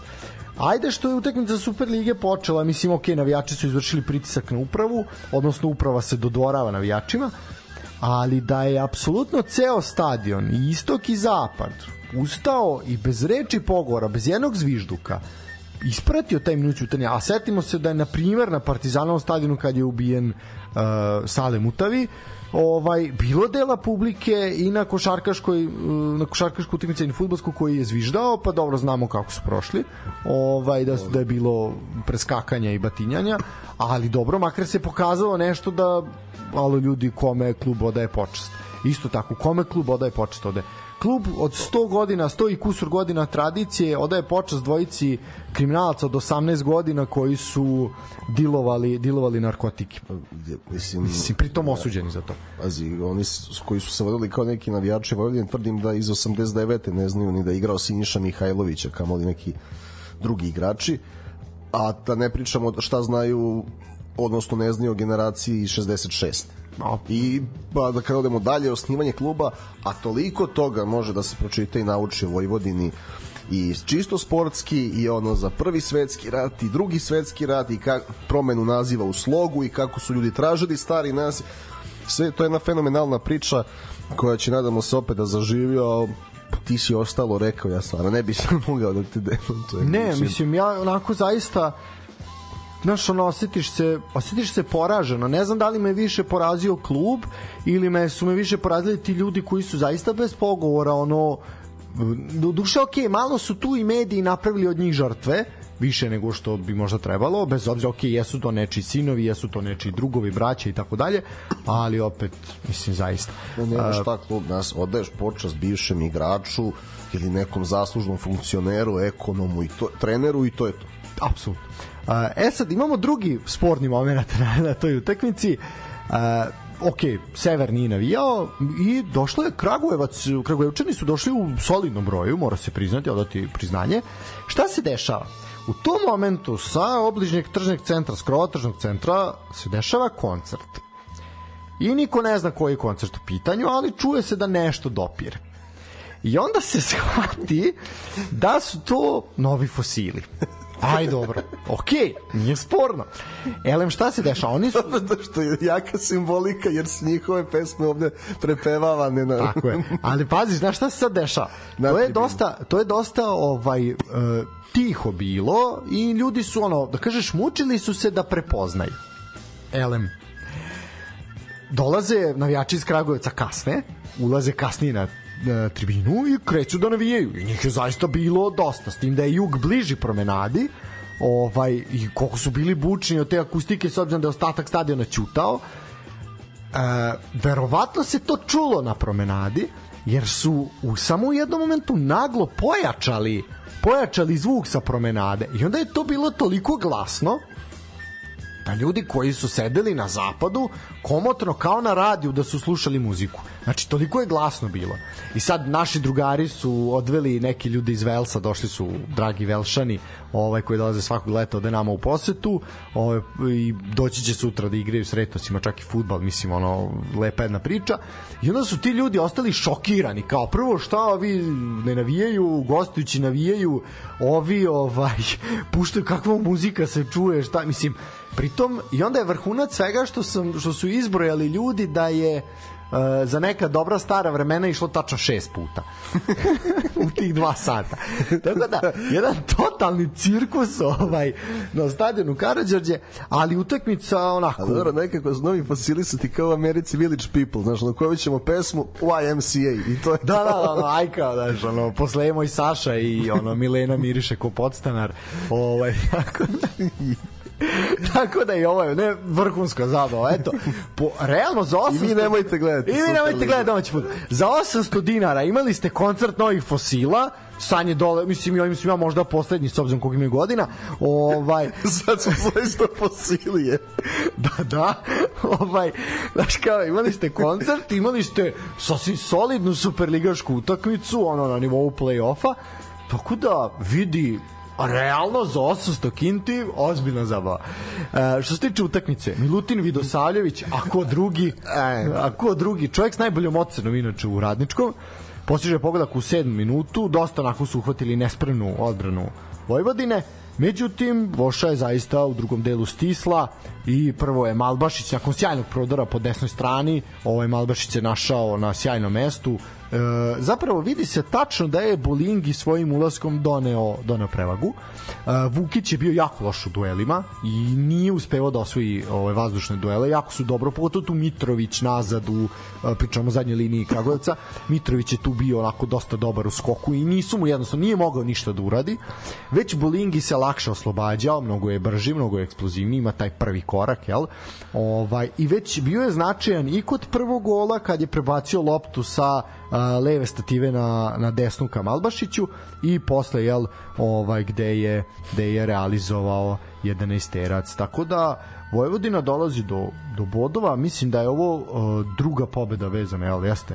Ovaj druga pobeda na svom terenu. No, jeste, ali vidi, iskreno, ja nisam... uh, energetski samo bilo bolje nego prvo. Ja ne, i dalje ne vidim neku igru osim što Ne, su ne, imali, već, energija, imali su želju da dođu do te pobede i malo, znaš, radnički je na 1-1 imao želju kao i u Topoli da zadrži taj bod da bude prvi u ligi. Jer onaj radnički iz prošle sezone hrabri ne da ne bi ovaj izgubio nego bi dobio utakmicu. Samo malo oni su hrabrosti. postepeno su se povlačili i, to ih je koštalo I taj da nije bilo tog penala ostao bi egal. Ja nisam siguran da bi Vojvodina tek tako dala drugi gol.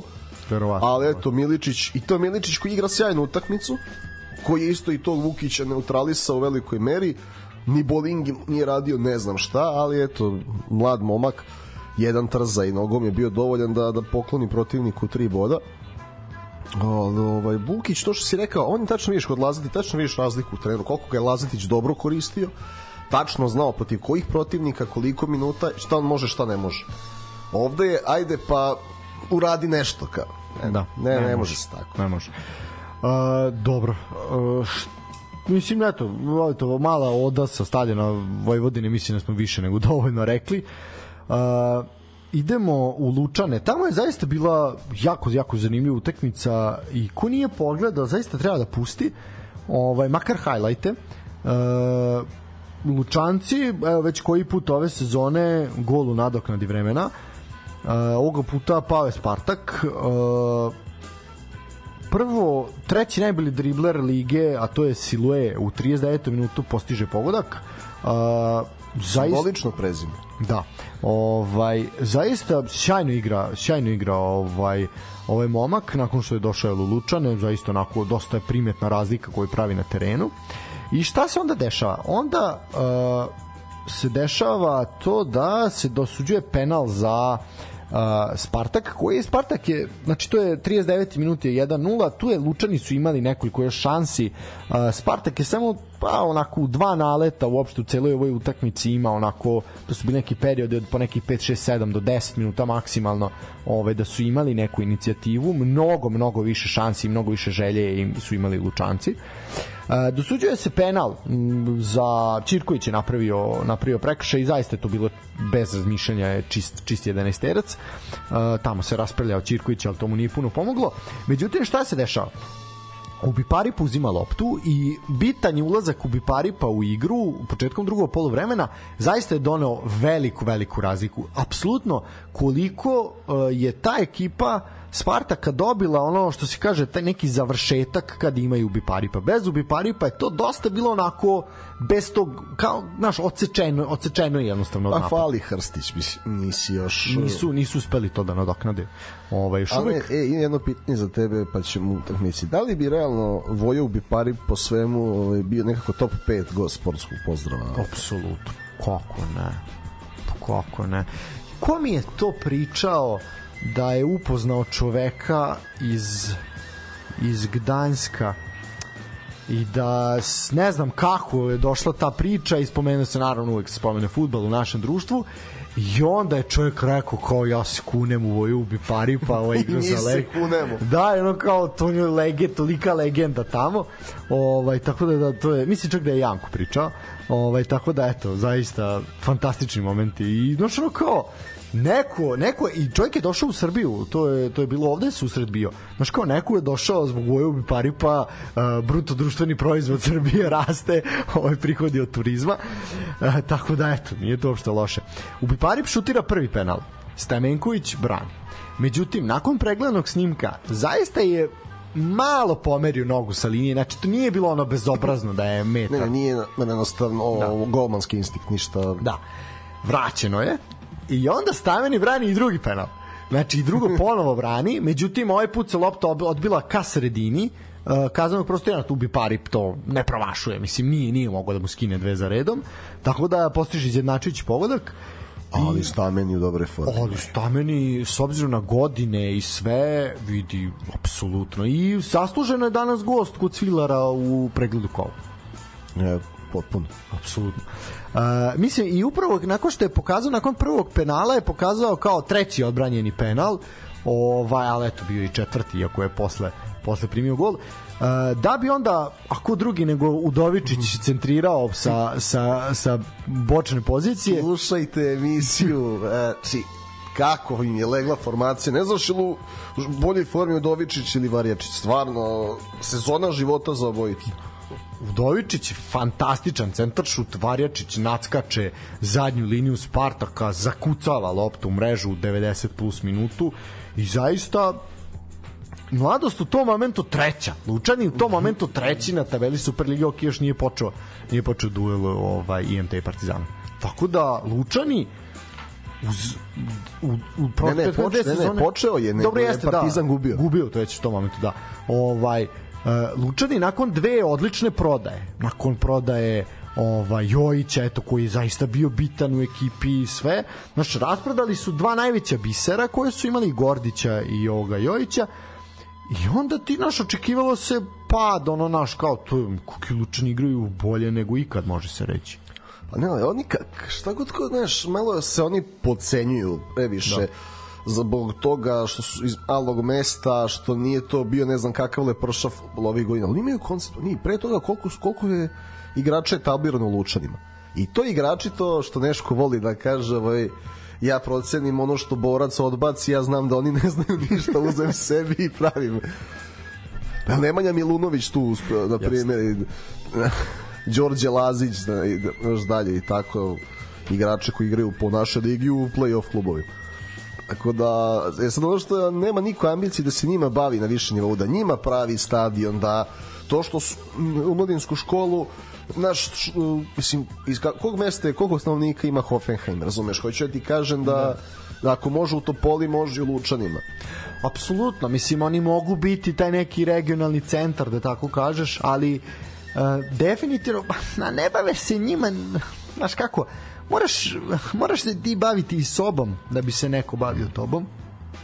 Pogledaj, Lučani su zaista... Se ne moraš to vidimo pa, na primjeru da, ovaj, Loznice, recimo. I... Da, mislim, koje imaju su stadioni pali s neba. Ovaj, ali, znaš kako, Lučani su ti zaista jedini superligaš koji nemaju objave na društvenim mrežama. Ali su sad, do pre par godina ih je bilo, sad su oni jedini gde to zaista toliko slabo izgleda. Mislim, gde se samo izbaci rezultat, ono naš na Instagram stranici, na primer, i to je, na primer, tanko, a imaju šta da ponude, imaju neku tradiciju, nešto postoje isto dugi Tamo se nešto radi. Ne, ja sad ovaj, ne znam detalje imena individualnih trenera zadataka, ali ti vidiš da imaš neki centar iz kog izlazi igrači. E sad dolazimo onoga, znaš zašto bi oni bili savršeni?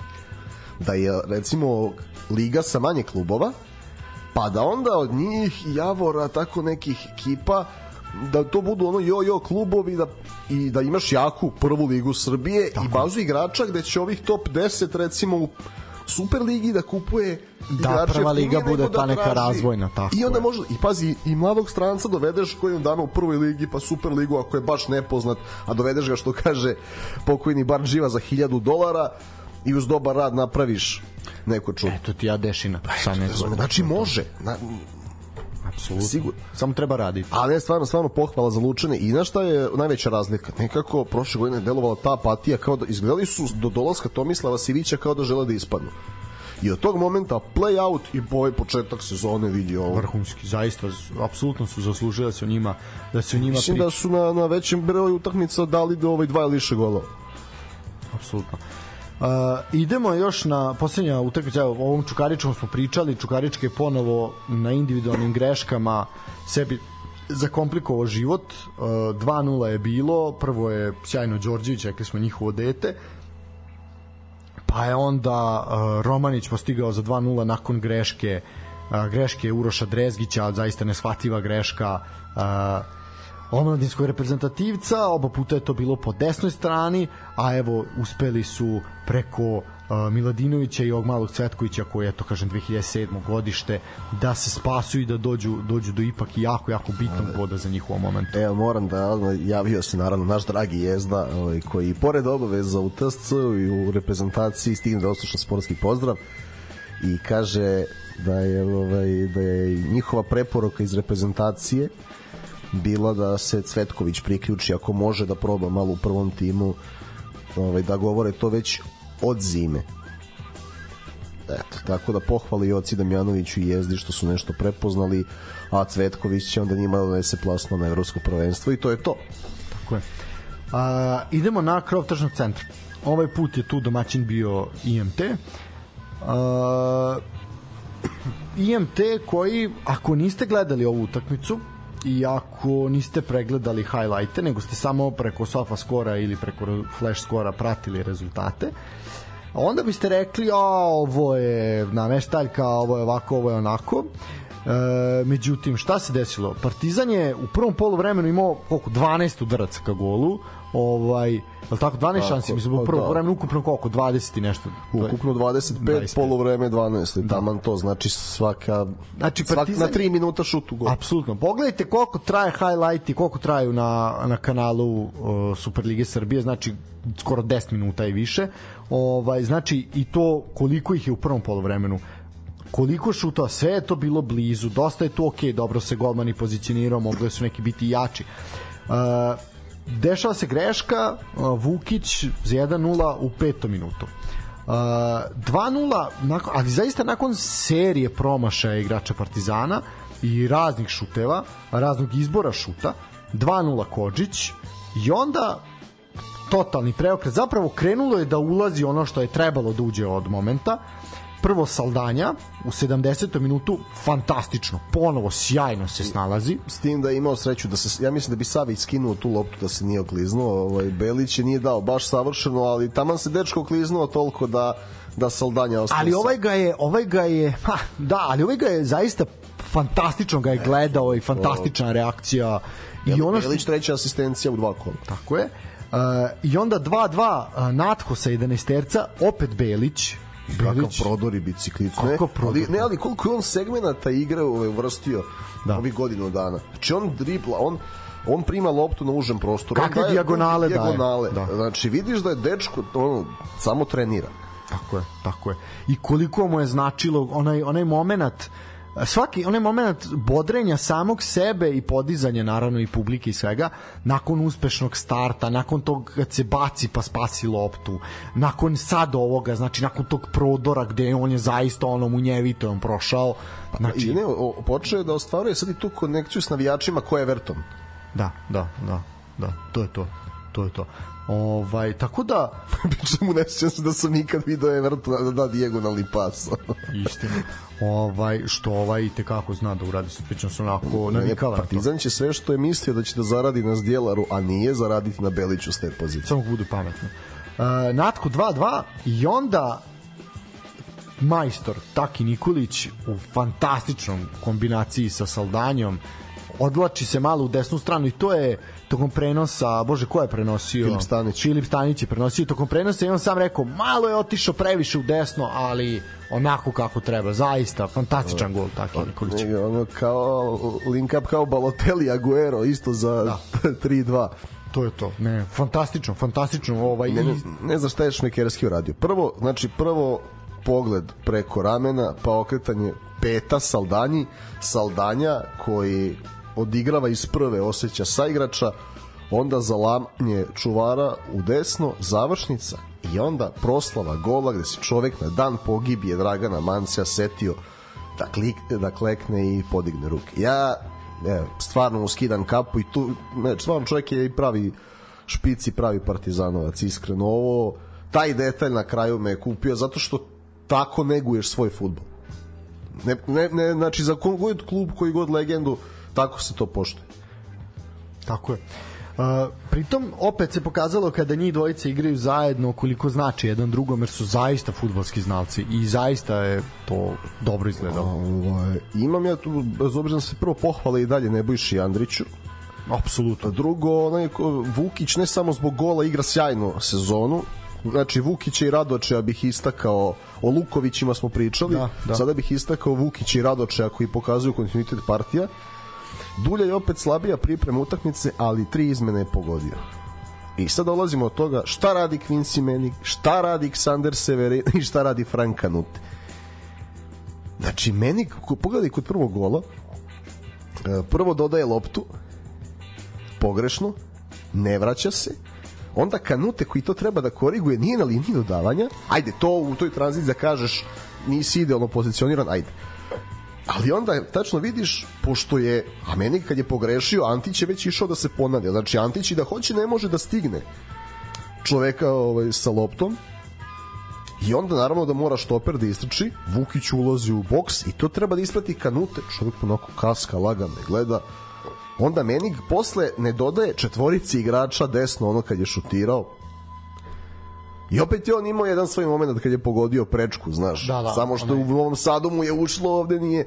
Ali on je bio, na primjer, hvalili smo onda kad se jedini borio u ovom play-offu kad je Partizan bio četvrti, sad odjednom kad, kad se drugi bore, kad treba kao starosedelac da povuče, što Natho radi, on je stao, a s druge strane Severina onako u skladu sa prezimenom malo izgubljen sad. Ja ne znam velika, ono što si bio rekao, velika... Baš ima oscilacije, ovaj, oni i kanute. Ali da kažeš njima da daš još, ono, da daš im polusezonu, ali Menig je tu trenutno najveći problem. I zbog Sebičluka, i zbog Antića, i sve tu pitanje šta je njemu obećano, da li je on, pošto je poslednja godina ugovora, da li je trebalo da se proda, da li je bilo ponuda koje su od... Sad, znaš, sad je to, ali jako se čudno dečko ponaša, a navikli smo prve, prve dve sezone da je vrlo korektan.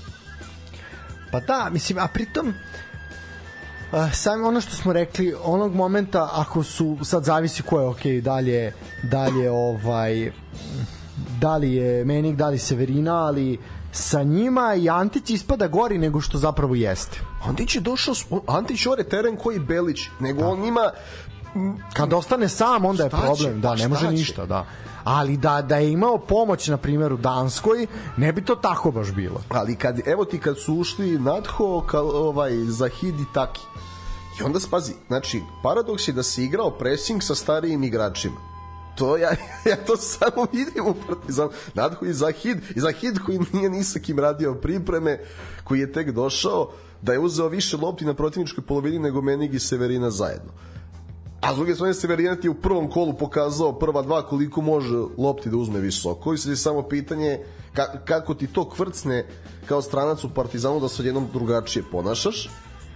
I onda kad su oni, kad je bila ekipa kompaktna, koliko se puta Antić ponovio gore, pa imao dobra rešenja u pasu, pa povratne lopte, znači ne treba se, znaš kako, to je ono, dođe domaći igrač, pa, pa nije neko ime, pa je slabije ime od prethodnika, odnosno Slobe Uroševića i onda ti od starta imaš fokalnu tačku za kritiku, ovde smo slabi. Ne, nije samo to. Znači, ima tu mnogo dubljih problema. I pritom, onaj ko igra slabije od dvojice štopera je pored Antića. Znači, nema ni protekciju sa te strane da ga neko koriguje. Tako je. Sve u svemu bitno tri boda uh, izjavu Duljaja smo manje više prokomentarisali. Kako mi se on obraća? Ne znam, nije mi ovo sad jasno. Ok, ovo što je bilo došao sa svadbe, obećao kumu na svadbi gol, to je bilo, to je bilo simpatično. Ali... To je taki dao posle super izjavu. Ono što smo mi pričamo da kad je rekao autoritet se ne stiče dranjem, imamo sjajan odnos, Dulja je pošten čovek i u redu, sve to, sve to stoji. Ali da, nije mi jasno. Znaš, onda prvu izjava doveli smo sve što smo hteli, onda je doći će, očekujemo ponovo pojačanje. Naš malo tu neću više pričam o pojačanjima, pa onda opet priča o pojačanjima. Mislim, ne znam, mislim jasno je da on vodi borbu s nekim, ali samo je pitanje kome je upravo. Pa vidi, i sad ispada da on javno vodi borbu sa Milošem Vazurom. Ja tako to mogu da tumačim. I sa novinarima.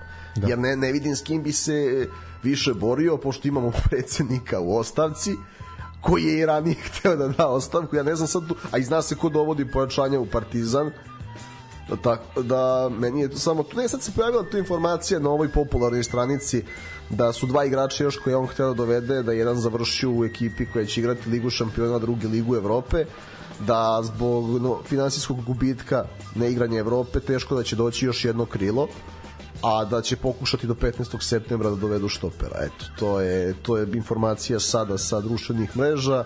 Ja tu strani, nisam fan stranice iz nekih drugih razloga, ali što se tiče ovog leta sve su pogodili za futbol, pa hajde da da im verujemo i tu se pojavila ista informacija da je propao transfer Sameda Baždara u Slaviju iz Praga u iznosu 2 miliona eura i bonuse. O, šta ti misliš o tome? Je to malo? Je to kako, kako izvući više iz Baždara, gde sad on ima prostora u ovom timu? E, e, to je problem. On sad tu nema, nažalost nema prostora, nemaš Evropu, nemaš gde da ga pokažeš. A, pa negde je to neka realnost, nažalost. Da li je moglo više, moglo je. Ali video si i po njemu i po načinu na koje on možda je to malo...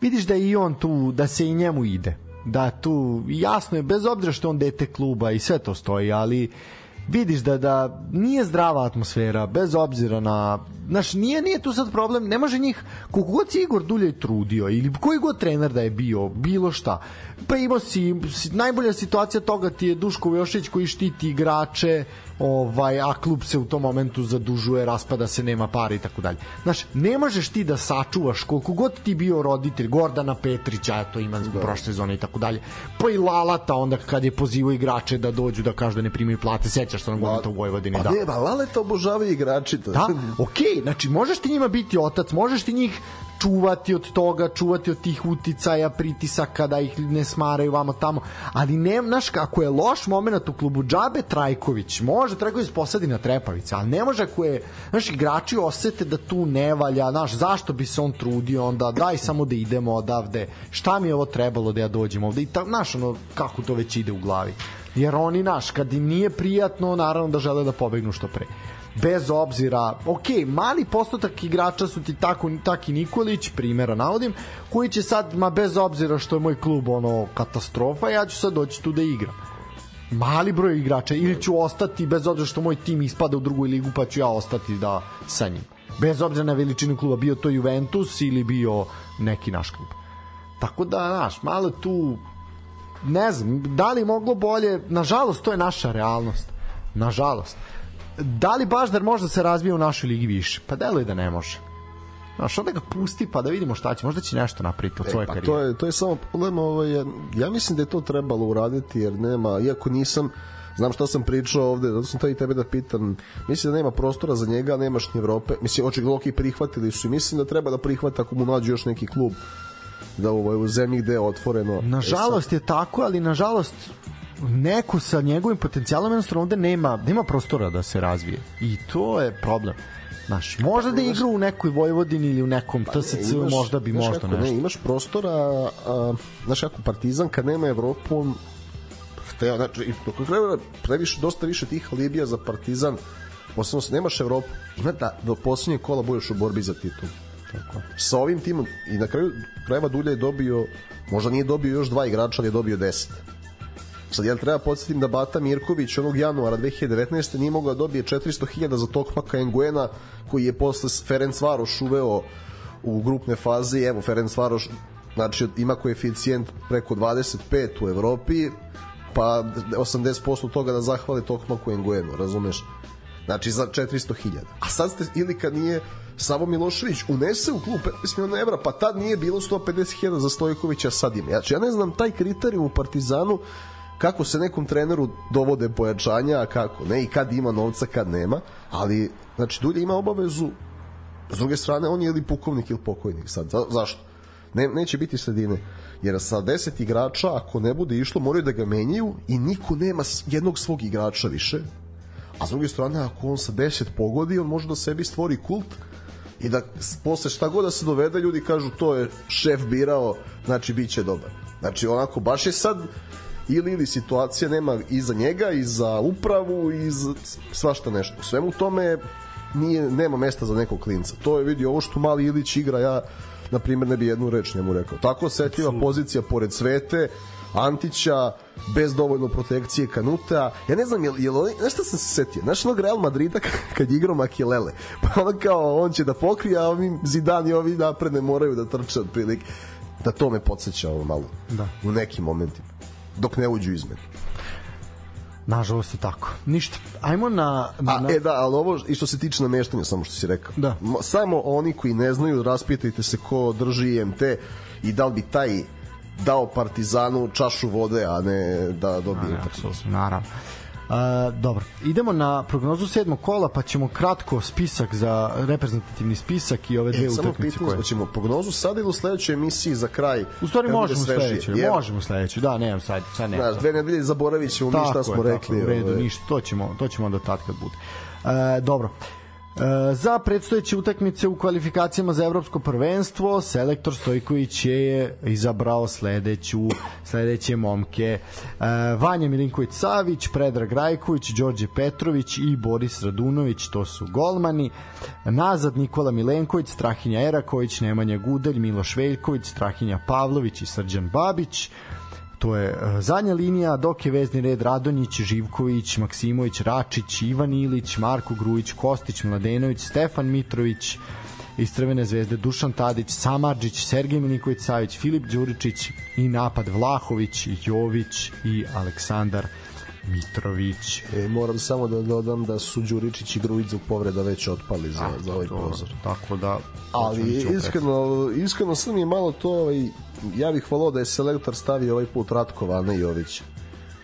Bez obzira što je vreme pred njim čisto da se nagradi ono ko negde igra i ko ne igra. Već je postigao prvi gol za Salzburg dok se Luka muči, što ne znači da je morao jednog da skloni. Mogu i Luka da bude tu čisto da mu se pokaže da je i dalje važan, ali stvarno... S obzirom da je odbio HNS, moglo se, moglo se, da, malo, malo ispalo bezobzirno. Tako da ja sam za to da Ratko bude treći špic. Ja Luki želim sve najbolje u Milanu, on klasu u sebi ima, ali već dugo stvarno evo, to je neka treća sezona gde on u klubu jako jako teško igra. Da. A, mislim, slažem se, apsolutno sam saglasan, zaista je Ratko trebao treba dobiti priliku. A, utakmica prva je protiv Mađara u 15 do 9 u četvrtak. Ovaj, ona se igra koliko ja znam bez prisustva publike, jel, zbog ove kazne koju Pa biće dečice opet ko protiv Šveđana u Ligi nacija. Da. A, e sad, što se tiče naredne utakmice, sam da poredim tačno vreme, znači sledeća utakmica je protiv Litvanije u ovom prozoru, ona se igra 10. 10. septembra, to je nedelja. Nedelja. Da, u 15 do 9 i onda su naredno okupljanje 14. odnosno 17. Uh, oktobra, tada će se igrati protiv Mađarske i protiv Crne Gore. Tako. I onda iz Bugarske, što je rekao predsednik. Da, pa ne, iz Leskovca se ide u i, i Iz protiv Leskovca. Bugarske, da, protiv Bugarske se ide na, na Evropsku. da, da, to. Ovaj, pa nema šta u nedelju da budemo Ne. svetski prvaci u košarci i mirno gledamo utakmicu s Litvanijom. Tako To- je. Uh, utakmica košarkaška sa Litvanijom je uh, sutra od 10.45, to smo rekli, dok će uh, odbojkaši u 9 uveče igrati protiv Nemaca za bolji plasman. Uh, tu je manje više to, sve smo rekli, uh, ono što treba i sa čim treba da zatvorimo emisiju i večerašnje druženje, a to je za porukom za Borišu Simanića. Da, e, a to mi palo, vidiš, to je palo na pamet i onda smo ušli u drugi Ne, ne, ja sam namerno, namerno to stio za, namerno stio za kraj. Uh, eto, jedan nezgodan udarac. Uh, prvo je bila je, prvo je bio jedan zahvat, međutim došlo je do komplikacija i eto juče se juče onako to zaista odjeknulo ovaj da je eto reprezentativcu i baš onako jednom dobrom i uzornom momku koji nije imao nekih mrlja u karijeri i ponašanje je bilo korektno. Čak i u ovim momentima kad je dosta odnosti između Zvezde i Partizana na ratnim nogama i znamo kako su pojedini igrači reagovali Boriš onako skroman, fin, tih de, dečko i baš uh, video sam jednu inicijativu na, na Twitteru koja se povukla od nekih ljudi koji su da kažeš ime i neko, neko ime u sportu, a to je da se ime Boriše Simenića dopiše na uh, spisak imena uh, koji su osvajali medalje. S obzirom da mu se ovo desilo na okupljanju za dok je bio jel, deo reprezentacije, uh, da je ostao bez bubrega, da je jel, naravno karijeru završio, ovaj momak koji je 98. godište iako izgleda kao da je može svima tata da nam bude ali ovaj zaista je jako jako mlad da se dopiše da na listu osvajača medalja da bi dobio nacionalnu penziju jer je jako mlad i ne, ne, to je obaveza da se uradi ali da. mislim da i pošto je došao na turnir da znaš kako, sad nije ista vrsta povrede, ali znam kad je 2017. kad se Branko Lazić povredio u grupi, znalo se da neće igrati do kraja turnira da je dobio medalju, tako da ok, da, treba doći do medalje, mislim, to je, to je, sad, to je stvar. A imaju motiv više sad. Definitivno.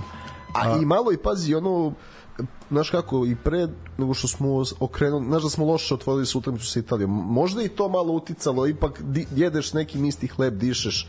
Da. Dok nisu znali šta se dešava, ali se ja htio nešto drugo da kažem da je to, ovaj, on je baš primjer da moraš imati sreću u životu, zato što mnogi ljudi zapravo ne znaju kakav je, o kakvom se talentu u mlađim kategorijama Crvene zvezde radilo. Odnosno, nekome, pazi sad, nekome ko napušta Real Madrid da bi došao u Crvenu zvezdu za koju navija, u mlađim kategorijama, Znači, kao što je Luka Dončić i Šmanić i Tavar, ne Tavares, Garuba, e, svi su prošli tu radionicu Pabla Lasa i postali veliki igrači. Boriša se vrati u Zvezdu, pa onda da li ove godine dobije šansu, da li možda je premlad, pa možda nije premlad, pa stil igre, da li se uklapa u Radonjićev stil igre, ne uklapa se, pa novi trener, pa drugi trener, treći trener. I sve mladije, mladije, mladije, pa pozajmice, pa ovako, pa onako. I onda eto jedna elitna karijera se pretvorila da kažeš u prosečnu.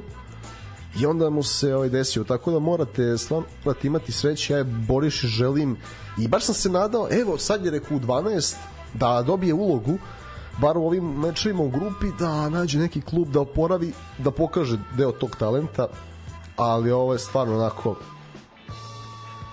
tužno, da, tužno, da, jako to, tužno. To nije izgledalo ozbiljno. Što ne, što je najgore, da, ja mislim, ono, eto, da kažeš, tu srećno ili nesrećno, deo sam takve struke, pa sam kolegama pokazivao udarac i niko nije, eto, ljudi čak koji ne prate sporta, ovaj, kome god sam pokazao, su rekli, po pa to ni ne deluje da je to takav ovaj udarac da ti ostaneš bez bubrega, ali zapravo koliko se ja shvatio tu i nije bio problem taj udarac koliko ta prva intervencija gde je očigledno pošlo nešto po zlu. I e, verovatno pa to je sad ono pa zašto je on operisan u Manili mislim, to je isto, zašto je to rađeno dole, ali dobro, ajde, okej, okay, to je ono. Znaš kako, oni su imali, znaš, zbog neke romantike, da se opet turnir održava tamo kao i 78. gde smo isto bili svetski prvaci, on Filipini nacija koja voli košarku, bla bla. Ali evo zbog ovakvih stvari, ja znaš, da se održavalo negde drugo možda se to ne bi desilo. I, i žale se na filipinske lekare Pa mislim, ok, na sve možemo reći, ali ipak Filipini su Filipini. Koliko god se oni ložili na košarku, koliko god se to... Ne može po svaku cenu, moraš da imaš uslove za to. Apsolutno. Jer... Ljudi, evo, kao pljuju, sad se sledeće opet biti u Kataru. Ljudi, Katari za njih država, nemojmo ono, da... Apsolutno, tu ne I može to nekome da se sviđa ili se ne sviđa i Katari, prethodno Kina koja je održavala, iako isto vidimo da nema neku ekipu, koliko se sale muči ali, znaš, nemoj Filipini, Indonezija, baš onako Mada. Ali no dobro, život ide dalje, a eto, nadamo se da će ljudi iz Saveza i da će ono Danilović i ekipa biti toliko trezveni da ipak ovo ne pređe ovako lako preko preko, preko ovoga i da pa, se eto ova inicijativa makar ispušte. A pa, i da momci na kraju krajeva... I, iskreno, i zbog, čak i da nisu trežni zbog pritiska javnosti, mislim da na kraju hoće, ali samo da A treba, nek, nek onda makar pritisak istraje. Duže od da 25 minuta kao Pešićeva igra. Da istraje. ovaj, e, ajde da, da ne završim emisiju tužno. Imam jedno pitanje za tebe. Da su Amerikanci pobedili Litvaniju, da igramo sa njim. Dobro. I pošto je trenutno US Open i čika Srđan Đoković u Americi raspevan. Šta misliš da smo ih mi pobedili? Šta bi uradio? Da li Srđan Đoković? Srđan Đoković se popeo, to se to rekao. Popeo bi se na Empire State Building, zakačio onaj GBL što nosi suda sa sobom i onda bi izbor pesama bi bio dosta onako bi... Da li bi urinirao čika Srđan? ne bi, ali bi, ali bi ovaj izbor pesama bio toliki da bi slično, žrtve bi bile slične kao 11. septembra i verujem da kao što su poštrili ulazak tada u državu da bi onako GBL bio poprilično zabranjen u Americi, tako da mislim najblaže rečeno to se desi. O, da, tako da, da imali smo inače sjajan meč i Đokovića i Đere u pet setova. Ovaj, meni, e, meni je žao što je iskreno Laslo naleteo na Novaka, isto sjajan momak u odličnoj formi. Mislim da bi mogao bar od nekog četvrt finala da je bio u drugom kosturu, posebno kad vidim i ovog Cipasa i ove Ru, Runea što ispade u prvim kolima tu da ga je nešto zapalo mislim da bi mogao daleko ovako Novaku želimo 24. Grand Slam i da Čika Srđan peva, ali... Strašno, jako, jako skandalozno ponašanje. jako skandalozno ponašanje. Ja, narod navija da on osvoja zbog nekih rekorda, ja navijam da Čika Srđan dođe da gostuje na svim televizijama ovde, ta što je... Pa on će gostati svakako, mislim, bez obzira da li je. Tako ide, ide u tom smeru, ovaj, da, da postane poslanik u Skupštini. Znate kako, rat, sankcije, tri sina. Plata dve marke i tako. da. E, dobro, ništa, to je to. Odjavljujemo se, nova sezona na našem radiju je počela, Daško i Mlađa su se vratili i Jašu zajedno ka zapaljenoj štali ponovo, a mi zajedno s njima, a večera se evo za nekih 8 minuta nova sezona Kupeka, tako da eto, mi smo bili jedini tu, a ovi su se, ko su odmarali ko prosvetari 3 meseca i opet će ići na godišnje, imaju dan manje u nedelji, njih podržavate, mogli bi nešto i nama da kane, Patreon, Paypal i e, dinarski račun, sve imate na našim stranicama, kanalima, tako da možete da Posle nas kažu prać, pa kaže ti samo sediš ceo dan i pratiš sport, vidite vi da to, nije, to nema odmora. To, to je, nema odmora, nema staje. Ali radimo to zato što i volimo.